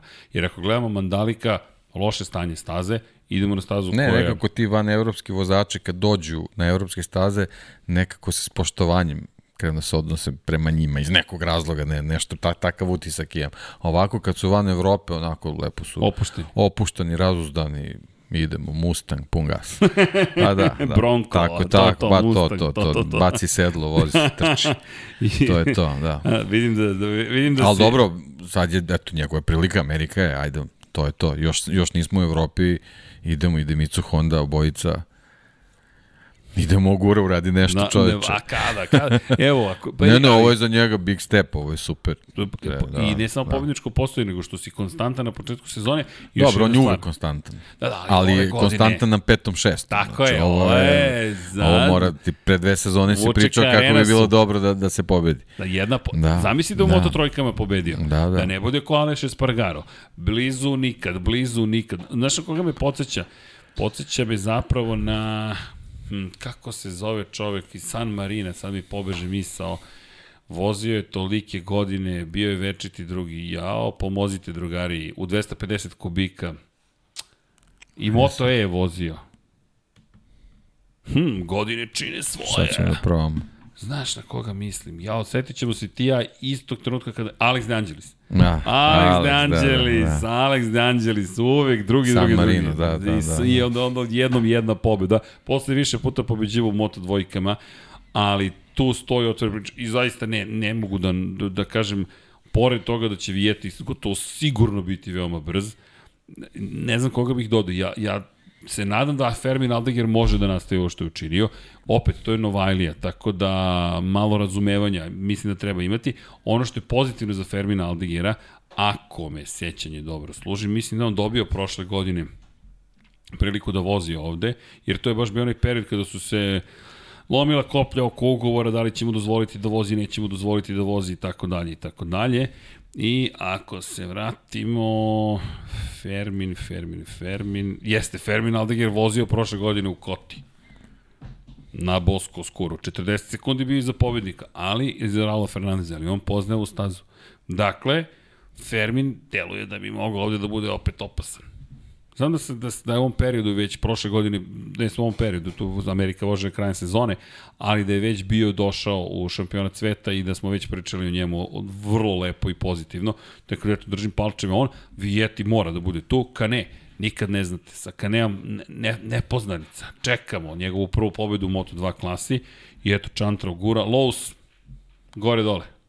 Standardno gore dole. Standardno, da, to je... Pa, to je to. Toni Arbolino, tu je, peti, šesti, uči se i sad očekujemo ne po neko iznenađenje da se pojavi. Ja bih skrenuo pažnju na još dva vozača, Camerona Bobije i Joe Robertsa. Njihova je kuća. Cameron Bobije nije onoliko dobro koliko sam mislio, ali ok, 9. 12. 11.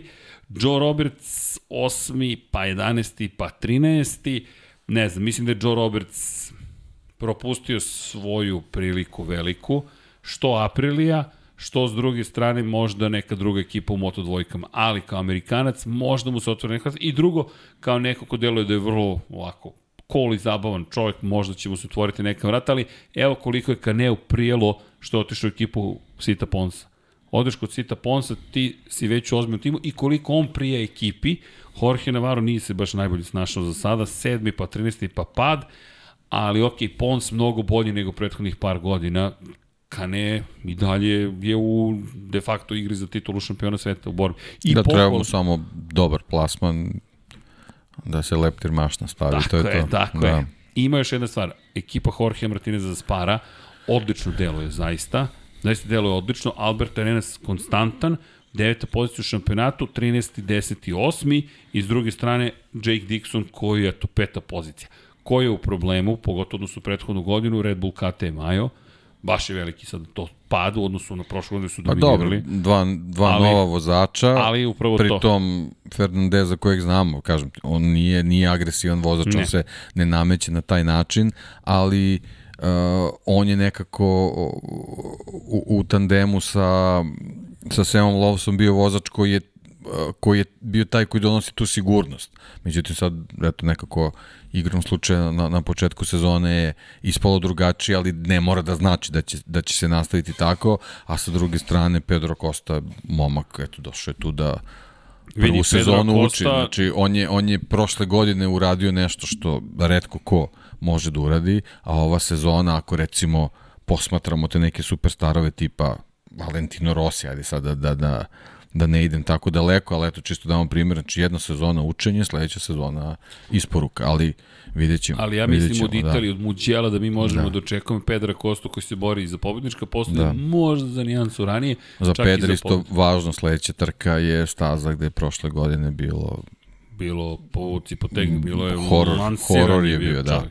Tako da ima, ima možda i tu neki mali psihološki moment, vidjet ćemo, ali, ali on je pokazao da, da ume da vozi glavom, tako da možda će to baš iskoristiti da, da Pazi. ovaj prelomi tu situaciju u pozitivnu korist. Ono što će mu prijeti kada dođe u Evropu, ići će na stazu na kojem je imao predsezonsko testiranje. Tako je, tako Dakle, tu već možemo da pričamo o tome, aha, čekaj, Pedro Costa šta će sada biti?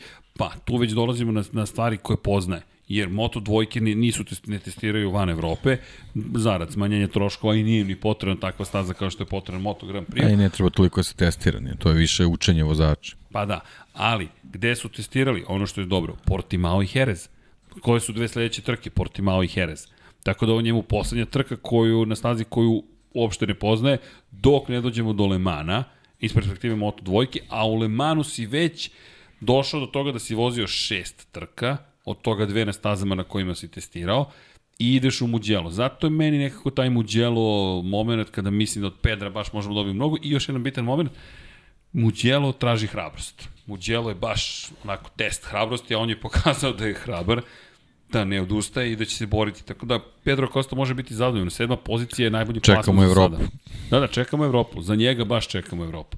I naravno Moto trojke, gde je Sergio Garcia poveo ovom pobedom, drugi, četvrti pobeda, teki kakav poslednji krug Serhija Garcia, ono je bilo fenomenalno, treći je i, i, i, i gledaš i razmišljaš, čekaj, a Jumo Sasaki ti tu imaš Crazy Boja ispred sebe i Denisa Fođu i ti kažeš ne, ne, idemo prvo, Crazy Boy, fuf, moja pozicija. I onda uletiš u Denisa Fođu i, one, i Fođe bio pametan. Fođa koji nije zalupio vrata, ne rekao čekaj, ovde ja sam izgubio poziciju, ostavio sam otvorena vrata. Pa da, s obzirom i na startnu poziciju, no, baš pametna trka. Pametna, pametna trka. Tako da Denis Fođa pohvale, ali Sergio Garcia lepa pobjeda prva ove sezone. Tri različita pobednika. Andrea Minjo, Denis Fođa, Sergio Garcia.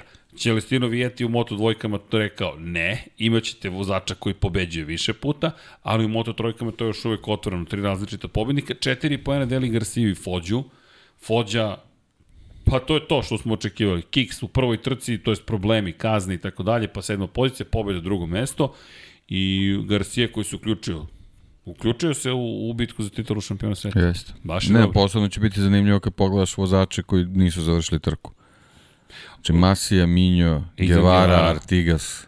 Da, Guevara koji je prošle da. godine ovde pobedio šta ćemo s Masijom? Znači nevjerovatno šta, šta se čoveku dešava. Znači od od, od bukvalno od Katara prošle godine. Da, on ne može da se spoji. Neverovatno šta mu se sve dešava. Ne može bukvalno da spoji čovek da, da, da ima jedan vikend gde, gde je sve kako, kako on da, poželeo. Da.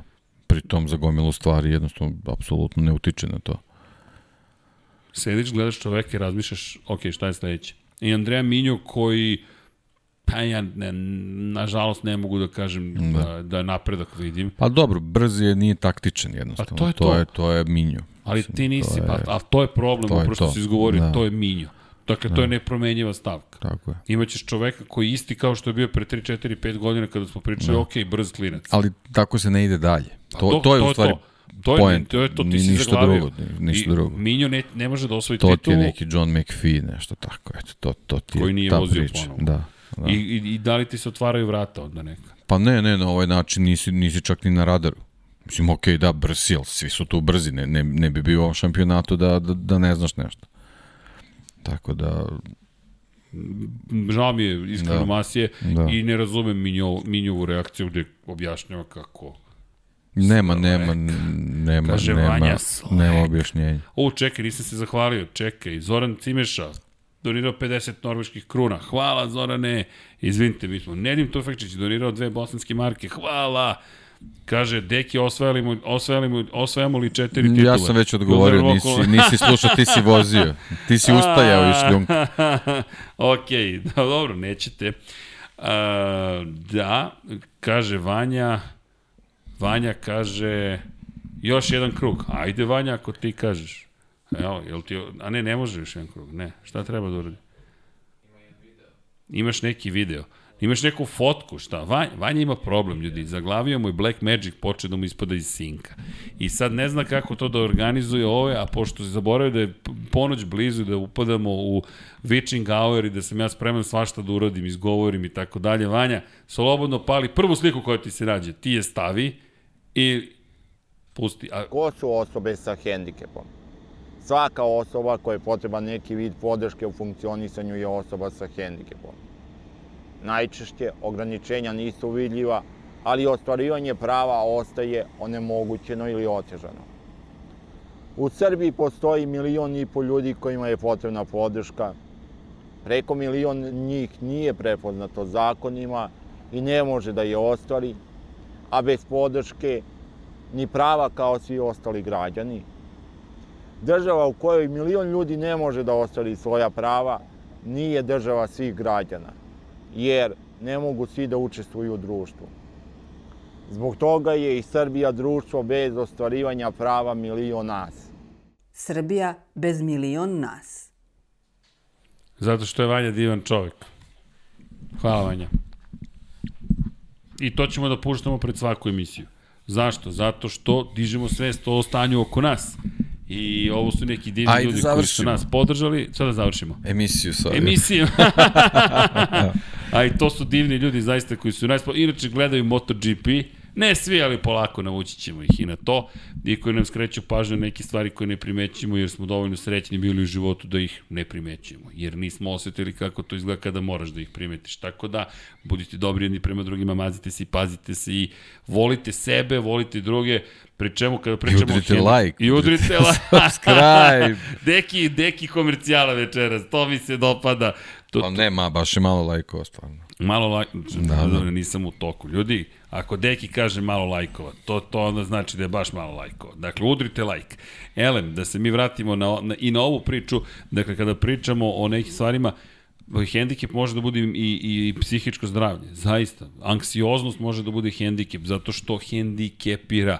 Kao što i kažu u spotu, nije to samo vidljivo stanje. To su nevidljiva stanja i podjednako su teška i problematična jedna i druga i zato vodite računa jedni o sebi, vodite računa o svom psihičkom zdravlju, dosta se o tome priča treba da se priča, to nije slabost, nego treba reći, ej ljudi, svi mi prođemo kroz teške situacije, svi prođemo, ali kažemo, tu je Lab 76, tu su knjige, tu je Vanja, tu su igrice, tu su prijatelji, tu je neka zajednica, ne neka, tu je jedna lepa zajednica je tu, tako da zajedno smo u, u ljubavi prema automoto sportu, ne znam šta drugo da kažem, zaista.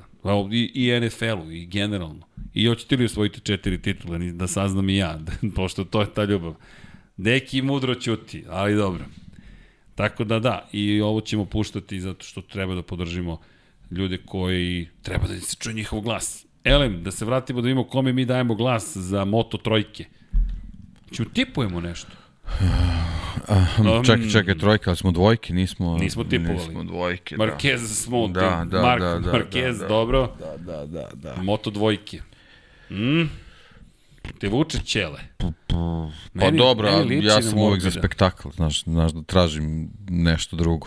Nešto drugo. Da. Aron Kane. Ma da, vraćam se ja na Naravno. moje, isto, isto. Kane? isto. Da, da, da. To je to. Da, Ne, ne, Kane, mora, mora. Mora da. mašnica da padne. I ja mislim da je dovoljno Da. opasna staza da on rizikuje da kaže, ej, sad mogu ja da dođem do izražaja. Ok, jel tipujemo zajedno ili... Ka ne, Ma, ka ne, ka ne. ka ne, u, jednoglasno. I onda za Moto trojke, znaš ko će da pobedi ovde? Ajde. Čekaj, javit će mi se. Samo Ajde. da bacim pogled Samo na da vidim ime. da li je. Javlja Da li smo se. zajedno. Pa pazi, imam dva. Dobro. Prvi mi je Crazy Boy. To, pa to Je je to to. to? To, je, ne, ne mora dalje, ne idemo dalje. Ne idemo dalje. Ajumu, ajumu. Eto, rešili smo. to je to. Jer Crazy Boy, malo mi je nedomite što je već bio na pobedničkom postolju, ali mislim da mu treba pobeda. Dobro, to je to. Dalje neću ići, ali zapisat ću pa za sledeći put ako se Sasaki slučajno ka desi. ne Marquez. To je to. Eto, čuli Gde ste naše luđe pobednik? Ne znam. pri čemu, pri čemu je Crazy Boy poslednji vozač koji pobeđuje, zato što je pre toga već bila MotoGP trka i Moto2 trka. E, bit će to zanimljivo vidjeti Moto trojke, jer Moto trojke ti garantuju zabavu. Mislim da je ovo Dorna pametno povukla potez, jer ko će da propusti Moto trojke ko voli motociklizma? Niko, a to znači da će poslednji krug celog vikenda biti mega uzbudljiv. Uuu, jedva čekam. O, jedva čekam. Još ako Van Dijk dao goč. Ja. ja. Vanja, ali imaš ti neki sport u nedelju? Ne baš. U subotu, dobro. Ma može i to. Ne, Dobro imamo mi u subotu. Sve Hoćeš okej. da upališ četvorku da sedneš da postavljaš pitanja. Kako? Pa to je formula. A šta ti UFC neki? A naravno, Vanja UFC. E, Vanja, hoćeš da upališ četvorku da nam se pridružiš? Ajde da postaviš pitanje, imaš tu gustarsku majicu. Ako nas ne iseče. Šta bi? A, Vanja ovde, o, pa Vanja, Vanja. Vanja je kultna ličnost. Šta sve on radi u studiju, to ni mi više ne znamo. To ste čuli GoPro kako se upravo upalio. Pa mogu si da staviš da ljudi vide kako se namješta. Malo vrtoglavica, ali nema veze. E, tako, Vanja, topina. To je to. To je Evo to, nas. evo stiže, e, Vanja, stiže Vanja da nam postoji pitanja. Od sledeće nedelje Man with the Mic postaje. Pa da ti kažem, Man with the Mic postaješ, dobit ćeš tu mikrofon. Šta? Mikrofon, su popaljeni svi mikrofoni. Sako od Vanje, sve školski primjer.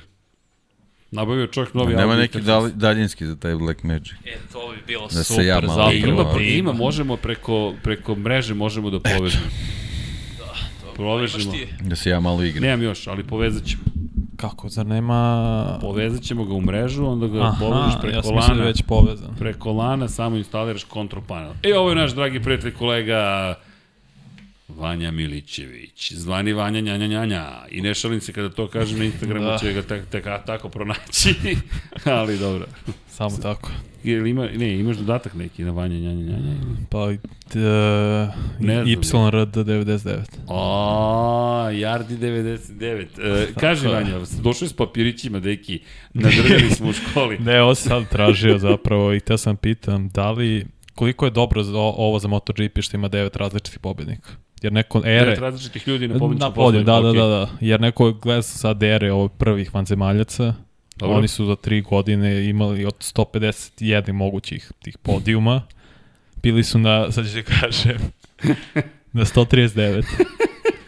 A to su njih četvorica, Stoner, Rossi, Pedrosa, Lorenzo. T- tako A onda je. druga era sa, kad je Marquez samo zamenio Stonera, bili su na 139.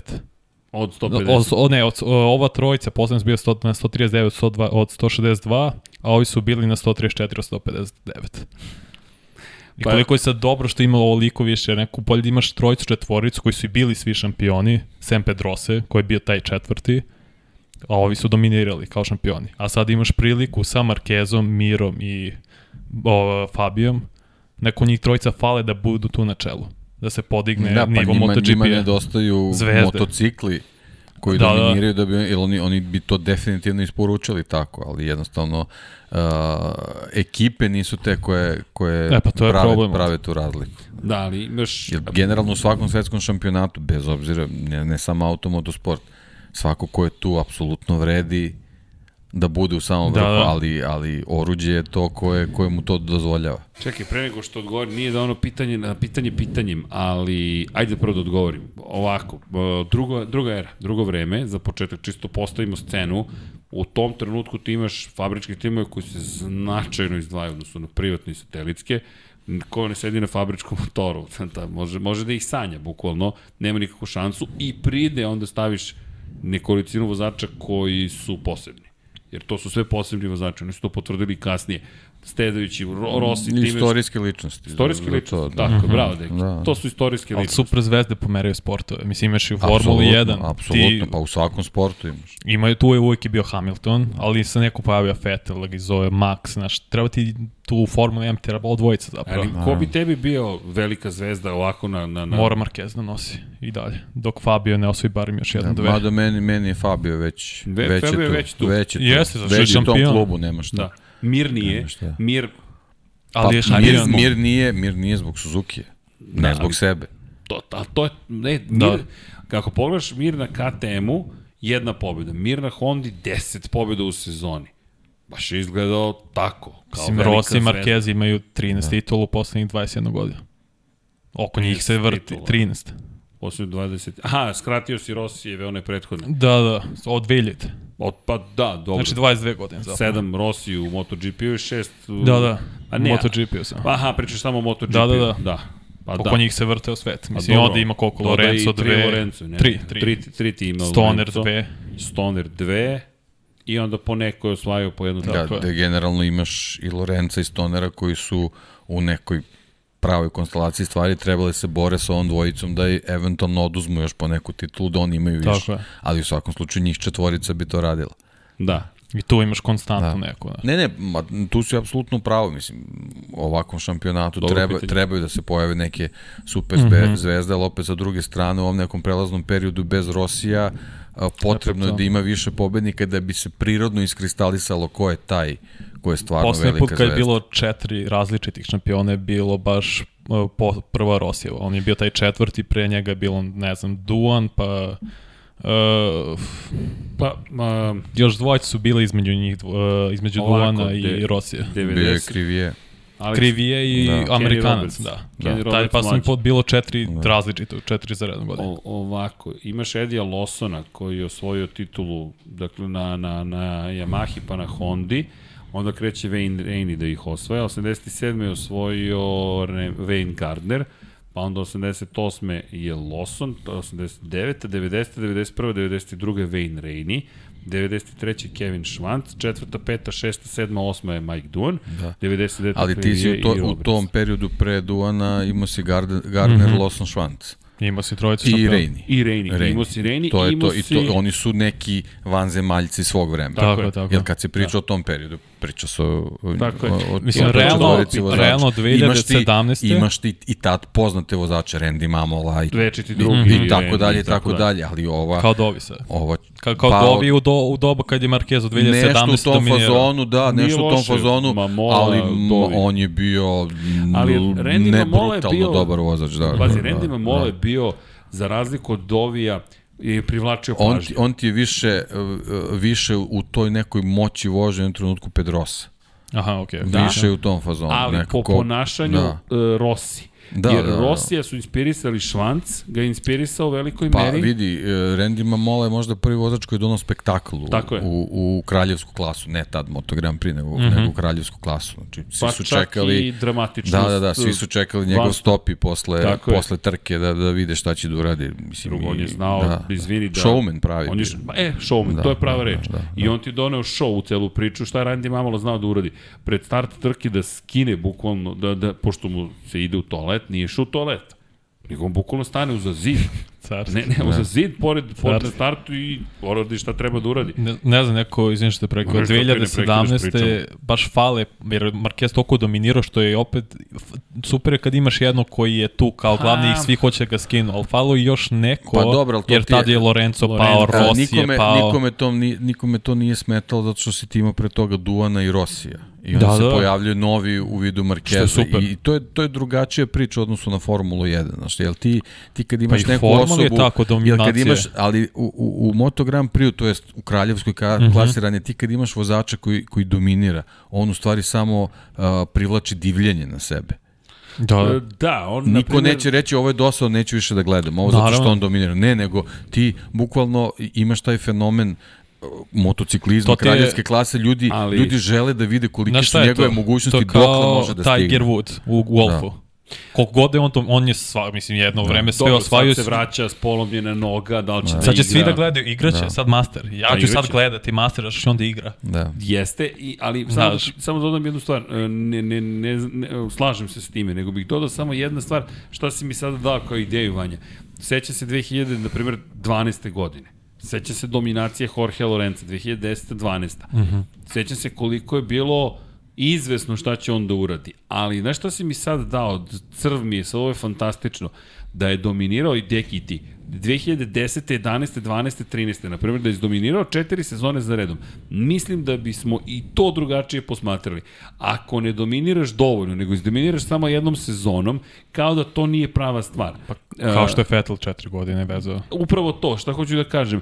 I onda to što kaže Deki, to počinje da bude divljenje. Do kada ovaj čovjek Da, može da, ovo da znaš, ti, ti u automobilizmu imaš taj fenomen da ljudi kažu da, kao recimo sad što imamo sa Hamiltonom i kao što smo imali s Vettelom, nije to on, to je njegov automobil. A na, u motociklizmu to, to niko neće reći. Niko neće reći da Marquez je to uradio zato što je Honda bila fenomenalna. Ili je Rossi to uradio zato što je imao motocikl ali- koji... Ili, ali svi ili znamo- čak da idemo dalje do Duana. E, ali pazi, i čak i kad su im to govorili, ko je to sve ne obrisao, nego zašto je Valentino Rossi, Rossi toliko... zato što je sad do... On je odmah došao i sledeće rekao, godine. je li do motora? Da. Ajde da vam pokažem šta je do motora. E sad, Rossi tu se to nije desilo s Ducatijem, ali to je već neki drugi Pa moment. dobro, već su godine tu bile. Tako je, jer ti nemaš više 23 godine. u I povreda, ono, da. Pa, pazi, on, on sa 32 godine stiže u Ducati. Znaš kako? To ti je Aleš Espargar Tako, u ovom u trenutku. ovom trenutku. Dakle, ti sa 32 godine stižeš u neku, i koliko god mi želimo da verujemo, ne, sa 32, isti sam ko sa 23. Nema veze sa životom. Odmah da se razumemo. Da, sa 30 možda ćeš više da uživaš u nekom trenutku. Možda ćeš biti staloženiji, smireniji. Ali ta vatra koju nos, koju imaš kad si mlad, iskoristi, by the way. Ne, ne, to se ne ponavlja. Da, to ne znači da nećeš uživati, ali ti se menja način na koji uživaš u, u, u događajima. To je ono što je Rossi pričao.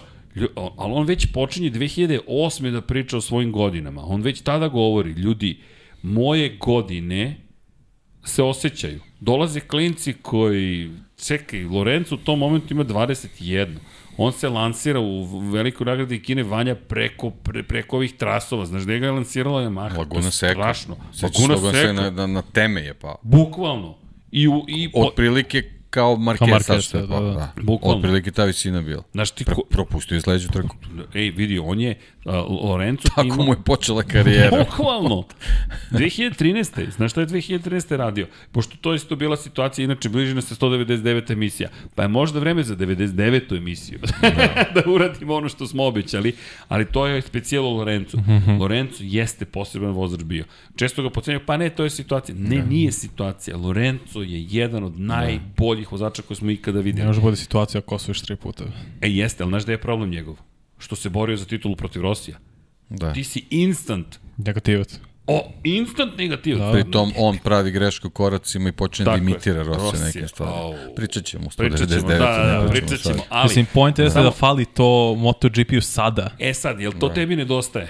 Da, meni fali Marquez da, bude na podijum. Da imaš ti neko koga ćeš kao, ja, ko što ovaj da izgubi. Ili da se Fabi ubaci da bude konstantno Pa ne, tu. ima, imaš Fabija koji, koji izbeljuje kosu, koji ima neke, Nosi- neke svoje rituale kad pobedi, a onda s druge strane imaš Mira koji je potpuno kao da je došao na posao Banjaju koji I to je okej, čovjek ne ako pobeđuje, to je kao San Pa da, Antonio ali, ali, Sparsi ali je potrebno, potrebno je da, da, da se show. Nekako. i da, da, da, da nekako pazi ostaviš trag, da, da, da ima razloga zašto si na nečoj majici. Da, da, kada. Znaš, ti kad napišeš El Diablo, svi znaju sad šta je. Svi Znaju, znaju ova znam, zastava jasno. šta znači. Mislim, Čekaj, ni Ross- se nije Koja je izdvajao. za- zastava? Izvini, u GT challenge-u sada. Da. Rossi ulazi u automobil, piše da doktor. Da. Znaš Ko zašto je, mu ko to je da zastava doktor? Peka Banjaja? Šta je, šta je prepoznatljivost Peka Banjaja? Ne znam. Šta je prepoznatljivost Joana Mira? Ono što sam govorio. Majstore, gde ti je broj 1 Broj na jedan, motociklu? broj jedan. El Diablo ima nešto svoje. To je ono što si rekao. Ne, on, on, on Evo ga. od trenutka kad Mhm. je došao, on ima svoje. I zna se, broj 20 je El Diablo. I to je... Ok, okej. E, Ja bih volao je- da je to uzeo je ta Keca, razlika, ali da, okej. da. Ne, meni kažem, mir, ako ćemo tako, mene podsjeća na Sparse. Što su ti oni bili dosadna Da, da, franšiza, da, da, koja da, da, malo, da, malo da. pa osvoje. Da, da, da. Kako, niko ne, ne zna, oni su Twin dosadni. Towers. Da, Twin da, da. Towers, da, da, da, da, Znaš, Dobro, imali su jednog Francuza, nije bilo loše. da. Da, ali to opet ne, i neprimetno. Nije, svi su pričali tada mlad LeBron, Lakers i dalje Kobe vodi itd. itd. ali San Antonio 2003. 5. 7. osvoji. Posle 14. Da, da, pa da, ali, ali to, ali to ti je, ajde, Ko ajde. Chiefs. Da. Ali, ali jeste. Da. E, Vidi, ali super mi je ovo što postoješ kao pitanje, a morat ćeš da se spremaš sad za svaki. Ali ovo je suviše Da. dobar segment. Da, drugo Vanja pitanje. Esks. Drugo pitanje, da li je pametno što Marquez sad vozi? Jer sad i- on ima auru da je nepobediv Nema više tu auru. A, u koti. u koti. Ako on sad ne pobedi ponovo, ne bude slučajno na podijumu, ta aura se razbija. Vidi, to niko ne može da, ne može da zna, pa ni on. Ne, ne, A kažem, znam, ali... ova, ovaj Vanja. razlog izostanka nije razlog da ne vozi kotu. Ne vidi, super ti je pitanje. Iskreno, Da. super ti je pitanje. Jer mislim da nije 100% spreman. E, Šta misliš, ajde ovako, da li će to da sada motiviše kvartarara da kaže sad moram da ga pobedim ovde? Sve će.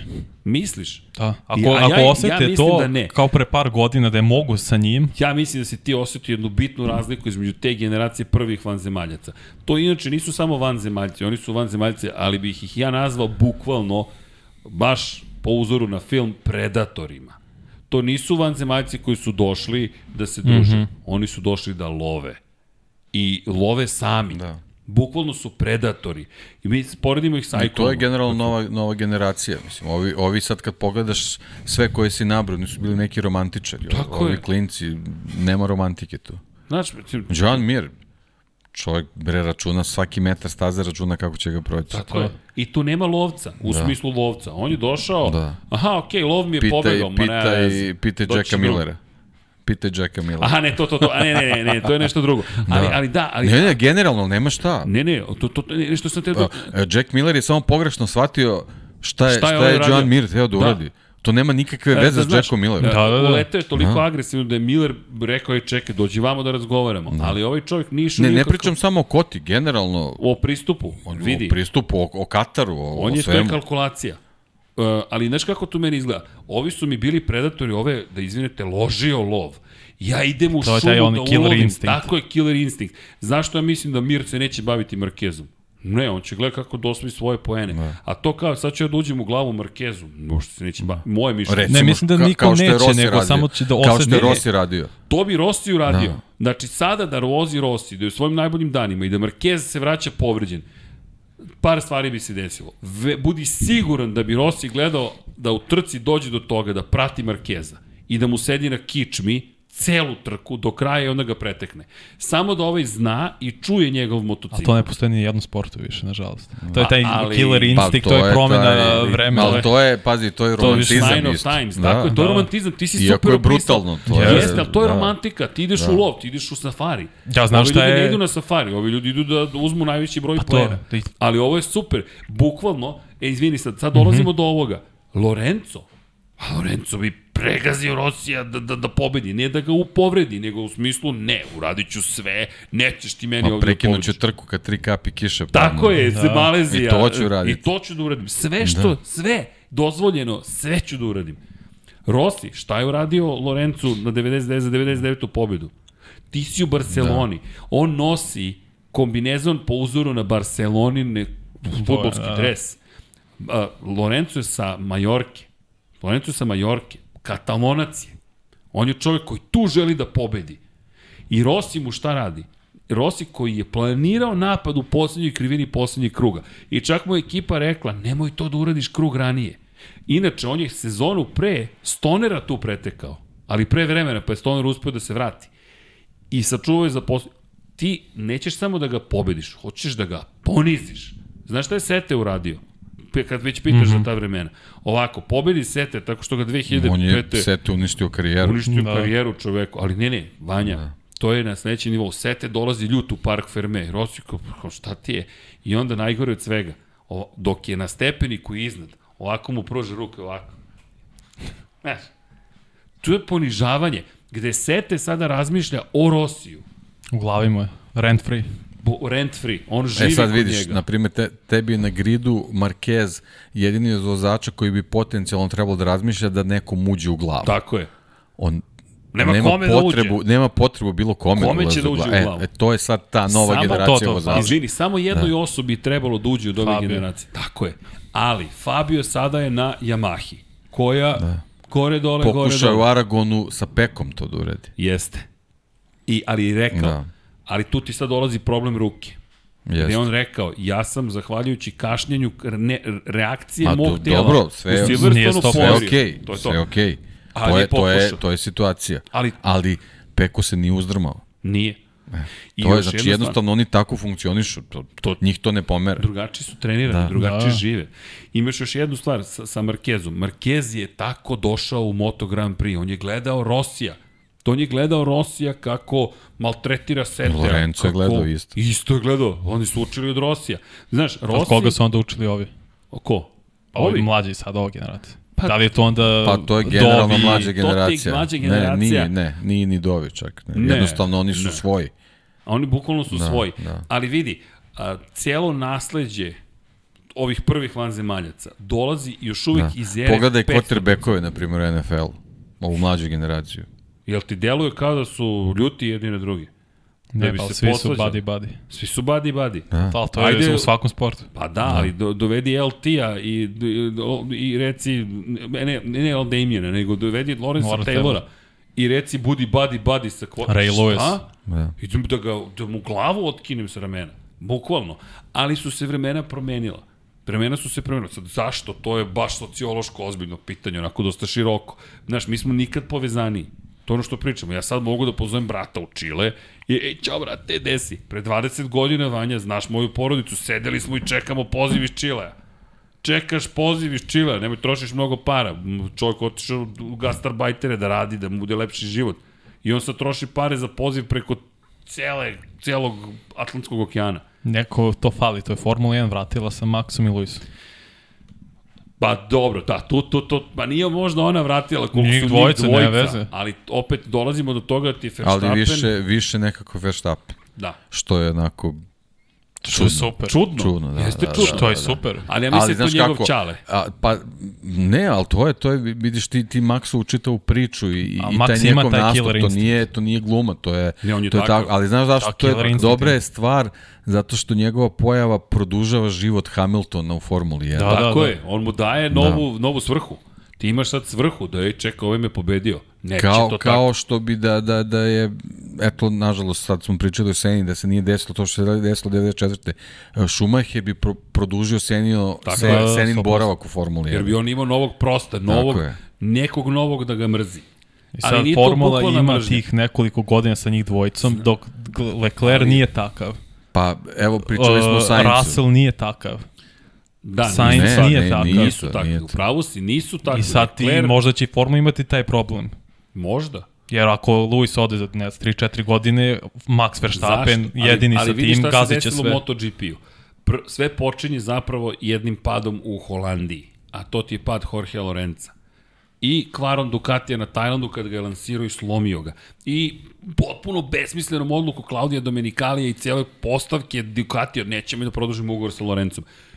Zamisli samo da je Lorenzo ostao na Ducatiju. Ti imaš onda Lorenzo Ducati protiv Marquez. Tako I je. on se pojavlja Fabio. Tako, je. i imaš je problem treće. Honda i Yamaha, oprostite, koja nije shvatila da još uvek ima i sa Lorencom i sa Rosijem nešto mnogo ozbiljno u svojim redovima. Prosto nije shvatila. I to ti je sad, ali to ti je šteta, to je ono što je Deki rekao, moraš da imaš i motocikl. Svašta Yamaha ne shvata. Pa da, ali, je ali, druga priča. ali ti je ovo super što si pitao, s tom, s tom razlikom što to što su oni učili, ali to ti je nasledđe dvotaktnih vozača. Znaš kako je Duan razgovarao sa Krivijevom, a oni su klubski kolegi, kad je Krivije povukao neki potez gde su obojica pali. Vanja, manje više Nema da lepih se bije. reči, pa da. Čekaj, lepih reči, ušao kod čoveka i Ajde sad objasni. Pre nema to što su kamere, ma to me ne zanima, nisam ja ovde da me snimate. I snimajte ako hoćete, baš me briga. Šta si, kako si to pokušao da skreneš? Jedino bila bitna pobeda. Ma, tako, ne I samo da pobeda. sačuvaj živu glavu. Da sačuvaš živu glavu i da te da ti stave do znanja gde je tvoje mesto. Da. Vanja, to je ono dog eat dog bio world. E sad, problem je što s jedne strane te, te ljudi diviš im se, s druge strane, pa kao čekaj, kome se divim? A s druge strane su oni zastrašujući. Zastra... Čemu oni ovako, kad pričaš sa njima, sve je to okej, okay, ali nemoj da mi se nađeš na putu. Znaš, to ti je kao teren. Nemoj me zoveš na basket. Ako me zoveš na basket, igramo da ih da, Koliko da je pobedimo. Marquez dobar sa ostalim vozačima? Nije. Uopšte. Pa, mislim, nije loš, ali ga to ne zanima Ne, stazu. buddy. Ma nema buddy buddy. Jeste, ali nije. Kao mi pričamo u kamionetu, bla, bla, bla, Ne, bla, ne, bla. Mislim Jel da ne, ne. Manje nego što su bili Rossi, Lorenzo i tako. Oni nisu Stone. pričali. Šta ti je? priče. Mislim, jel... Pa ne, jel evo, da evo postoji- Srđan. Srđan je u Kataru snimio si ono na Snimio pitwallu. sam ono ono, kad da, sede, a- tako je. Pa recimo Jack Miller je taj koji bi mogu da ima buddy, Buddy, buddy, buddy. On je došao da pomaže Banjaji sad Da, kad ima da, probleme da, u da, kvalifikacijama. Ne, znaš šta Ali- Ali, hoću mm povučem para uh, vezano sad za NBA jer to više znam. Uh, Lebron je taj koji je bio buddy buddy sa svima i on je uveo tu kulturu da budeš buddy buddy svima. Ovi pre njega, on je bukvalno na preseku tu napravio tu uh, crtu. Kao ok, sad dosta, da. jer Kobe, Garnett, Duncan itd. oni ne, to nije bilo buddy buddy. I Jordan. Jordan, Jordan ne, uzimamo igrače iz nje, iz čita da. Detroit. Čekaj, Detroit, a Kako? Lakersi su Pa ne, kako, buddy kako, buddy? pazi, da u celoj, u celoj toj hemiji imaš jedan Detroit, ka, kako možeš da, Čekaj, da to, je to. to je varijantu. najveći trash talker svih Da. vremena. Larry Bird, Isto, da. zaboravljena ličnost, čovječe, Larry Bird je sve maltretirao. Ne, samo zato što su ovaj igrao sa njima. I oni su bili takvi, a onda je on uveo, ok, sada buddy buddy. A Da. vidi, Ali on, i- on zato što je okusio kako je to biti ne buddy Ali buddy, to on ima da li dokaz- je prednost. on to za to uradio zbog te toga? nove generacije. Ili je uradio je da to. bi, da bi sebi olakšao život. Da bi sebi olakšao Pa život. to, da razumiješ, to je taktika. Pa zato kažem, on je povukao tu crtu, bi- jer je da drugi opet učio pobedio. buddy buddy, ali ja znam kako je On ne suprotnost deluje od kao toga. buddy buddy na terenu. Ne deluje mi baš kao neko ko ti je buddy buddy. Buddy buddy van terena. A da, ali Ali- ovi nisu bili van terena. Ne, pa na, Ovi su bili... Pa vidi, uh, da, ovi Hladnokrvno. su... Pa znam, ali ne, ne, ne, ne kažem ni da je jedno ni drugo bolje, samo nešto, po, po, apropo ovoga što... što Drugačije kulturu, drugačije mišljenje sad. Ne, ne, ne, ne pričam, hoću nešto drugo da kažem. Dakle, vidi, point u sledećem. Imaš Larrya Birda, koji te ponižavao na terenu. Kako? On ti kaže, sad ću da odigram levom rukom, ću samo da šutiram. Tako je. Čekaj, Vanja, ti razumeš šta je on, on je u NBA ligi, on kaže sad ću da vam dajem koševe samo levom rukom. I on celu četvrtinu daje koševe Znam. levom rukom. Čekaj, to je ponižavanje. Nije to pobedit ću te. Ne, sad ću da te ponizim. Zašto? Zato što sam tako u mogućnosti. Tako je. I ti kao, zašto su uzeli titule, McHale i kompanija? Da. Ponižavao ljude. I on je isto imao svoju racionalizaciju. Ja sam to uradio jer on je meni nešto uradio. Da. Šta pričamo? Ko Jordan što racionalizuje? Isaiah uradio sam Thomas. jer mi... Isaiah Thomas. Čekaj, kao. Ne, ili se- Jordan, Mutombo. Ma da, Da. Dikembe kao jedini preko koga nisam Znaš. pre, kucao. Va, jel to ta, jesi to sad rekao? Pazi, on mu je zapamtio ono tri meseca kasnije. Jel tako bilo Dikembe? Bum! To današnji NBA igrači ne uzimaju Ima za to zlo. nema, Pa da, da. ono, brate, u redu. Pri tom, znaš, u, u, u sva ta buddy neka ogranize, ograničenja sintetička te vezane za te konferencije, to sve, to se izgubilo. Znaš, Izgubilo oni, se. oni bukvalno dolaze na posao. A to ti, evo upravo to, to, je ti je to. postao corporate biznis. To ti je bilo, to ti je bukvalno postao deo, ti sad, šta je, ali to je Lorenzo... I moraš da se uklapaš u te kalupe, šablone. E, to je Lorenzo da. doživeo i odustao od toga. To je ono što mi se dopada kod MotoGP-a. Šta se desilo u tom momentu Lorenzu? Lorenzu su govorili, sada proslavljaj pobede kao Rossi. Toga i Dorna bukvalno kurkala ka tome. Tako je. Sad jedi kokice, te ovo, te ono. Znaš, ko je zvižduk je on doživeo? Taj čovjek je najveći maltretman doživeo svih vremena. On 2016. pobedi u sred Barcelone. Vanja, Dorna spušta mikrofone jer njemu španska publika zviždi. Zato što je pobedio Rosija. Ali to neko može da prihvati, a bude negativac. Ma on je prihvatio, ali, ali pre toga... odustaje od toga. Pa nije od... Miami, Pa evo ti, na kad primer- su došli ovi, oni su prihvatili, mi smo negativci. Ne, ne, a Mi ćemo on sad odustao? uprkos tome sve da A nije on pobedimo. odustao, pazi ovako. Znaš kada su ljudi prestali da hejtuju Stonera? Masovno. Masovno. Kada Rossi nije uspeo na Ducatiju. Do tada. Da. Stacy Moner, uh, Casey je ovakav, Casey je onakav, to je zbog Ducatija, to da. je zbog guma, to je zbog ovoga, zbog, to je levo, to je desno. Prvo, da. Ducati nije verovao u Casey-a. Doveli su Melandrije, rekli sad ću da ti objasnim kako se vozi Ducati. Marko Melandri je živo glavu spašavao na tom Ducatiju. On je pobegao iz tog Ducatija. Marko Melandri je šampion sveta od 250 Pazi, Seti kubika. Gibernao se ozbiljno povredio na Ducatiju. To je zver, banje. Loris Capirosi. Svi su ožiljke nose. Da. Rossi, Rossi, znaš da je Rossi hteo da, da ne vozi drugu godinu na Ducatiju, zato što se plašio za svoj život. Da. On je rekao, ovo više nema smisla. Ja trenutno toliko tražim da pređem granicu da bi izvukao brzinu iz ovog motora. Da. A, a zbog, zbog tog nekog ličnog okrša između Rosija i Stonera, Stoner je bio negativac. Da. Pa ti ovde imaš, evo ti imaš Schumacher, imaš Senu. Obojica su uništavali, uništavali svoji rivali. Jedan je najomiljeniji vozač svih vremena, Jedan je drugi je, za, za, jednu polova, za jednu polovinu ono, Darth Vader. Bukvalno. Kao da je tamna da. sila lično. Darth Maul kakav Vader. Bukvalno.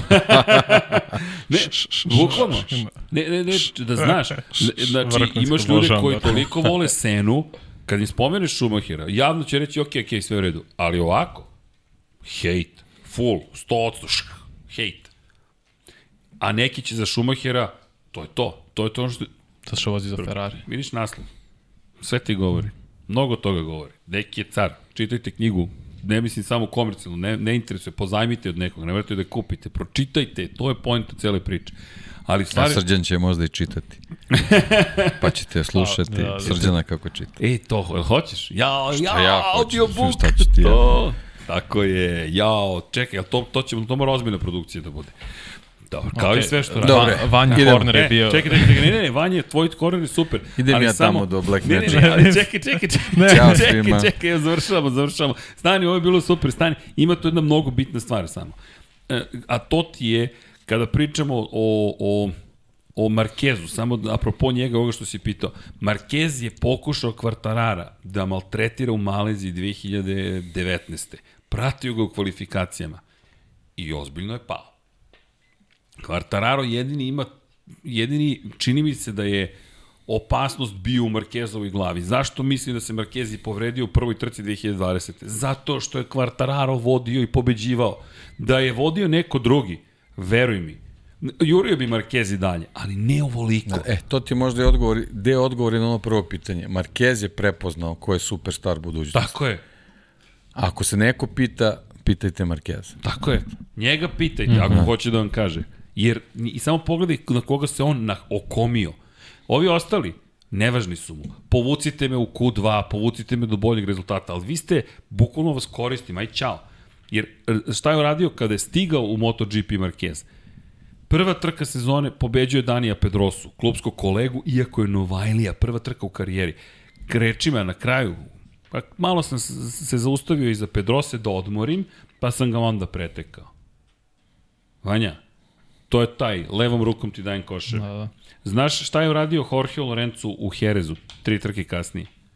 Pretekao ga je u krivini Lorenzo. Ovom su dali krivinu tog vikenda, ove ga je zveknuo u krivini Lorenzo i pobedio za treće mesto. Šta je uradio Rosiju, a Rossi je znao i rekao je svojoj garaži, preteći će me u Vadičepu. Pretekao ga je u Vadičepu. Tamo gde je kultni manevar pet godina ranije izveo Rossi protiv Stonera. Šta misliš da je slučajno sve to bilo?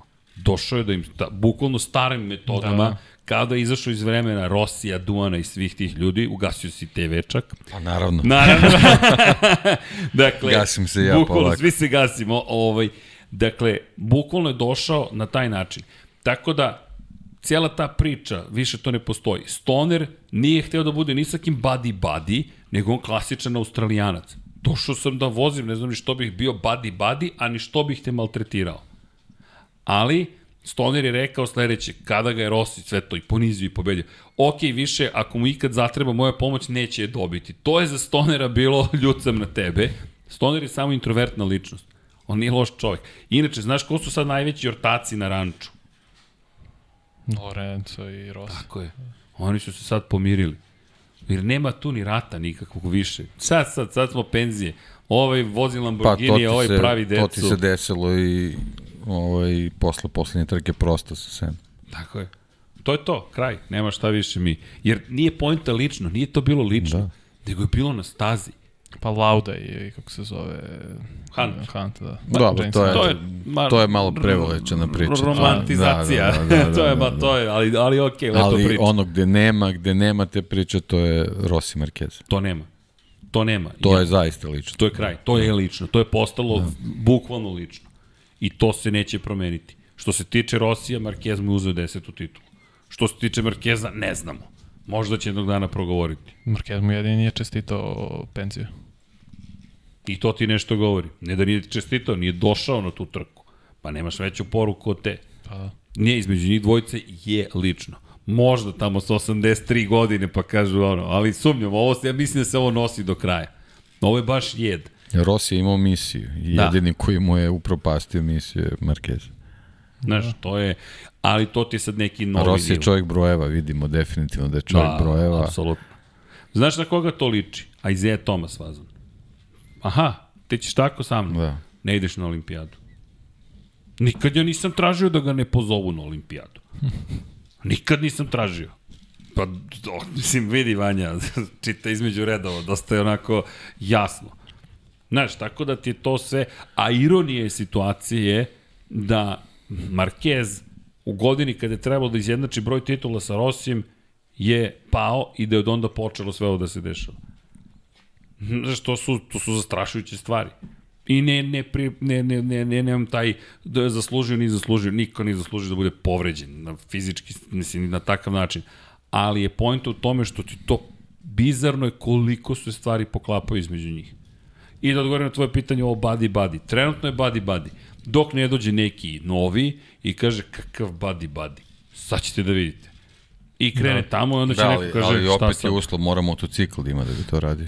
između ostalog. A ovo je sad neka druga priča. Sve je izjednače. Tako da, da zaključimo večerašnje druženje, ne zamerite ali deki nam... Tri Čeka nas rodeo. Čeka nas rodeo, da. Čeka nas ozbiljan rodeo. Nadam se da... samo u trkama da ne bude kao što je bilo prošle godine, nego samo da Mora budu čiste dobre trke. Da spremim je. Mora... neće Izvinite, samo. Čekaj, čekaj, da možete da mi date vašu knjigu, molim vas. Dajte mi. Pa kako šta? Da Ne, ne, ne pročitamo znam- imena ne znam šta svih tražiš, pokrovitelja. da, da. Ja. Za sve oni koji ne znaju, inače, ili smijemo ovu fotku ovo iz ličnog arhiva? Pa nije više iz ličnog u knjizi. Ne, ne, ne, dobro u knjizi, ali to tam, pa da, da, ali da, sad je javlje, sad je, da. da, Vanja, Vanja, Vanja, Vanja, da, da. Gospodin Dejan Potkonjak, a? Šta je moj?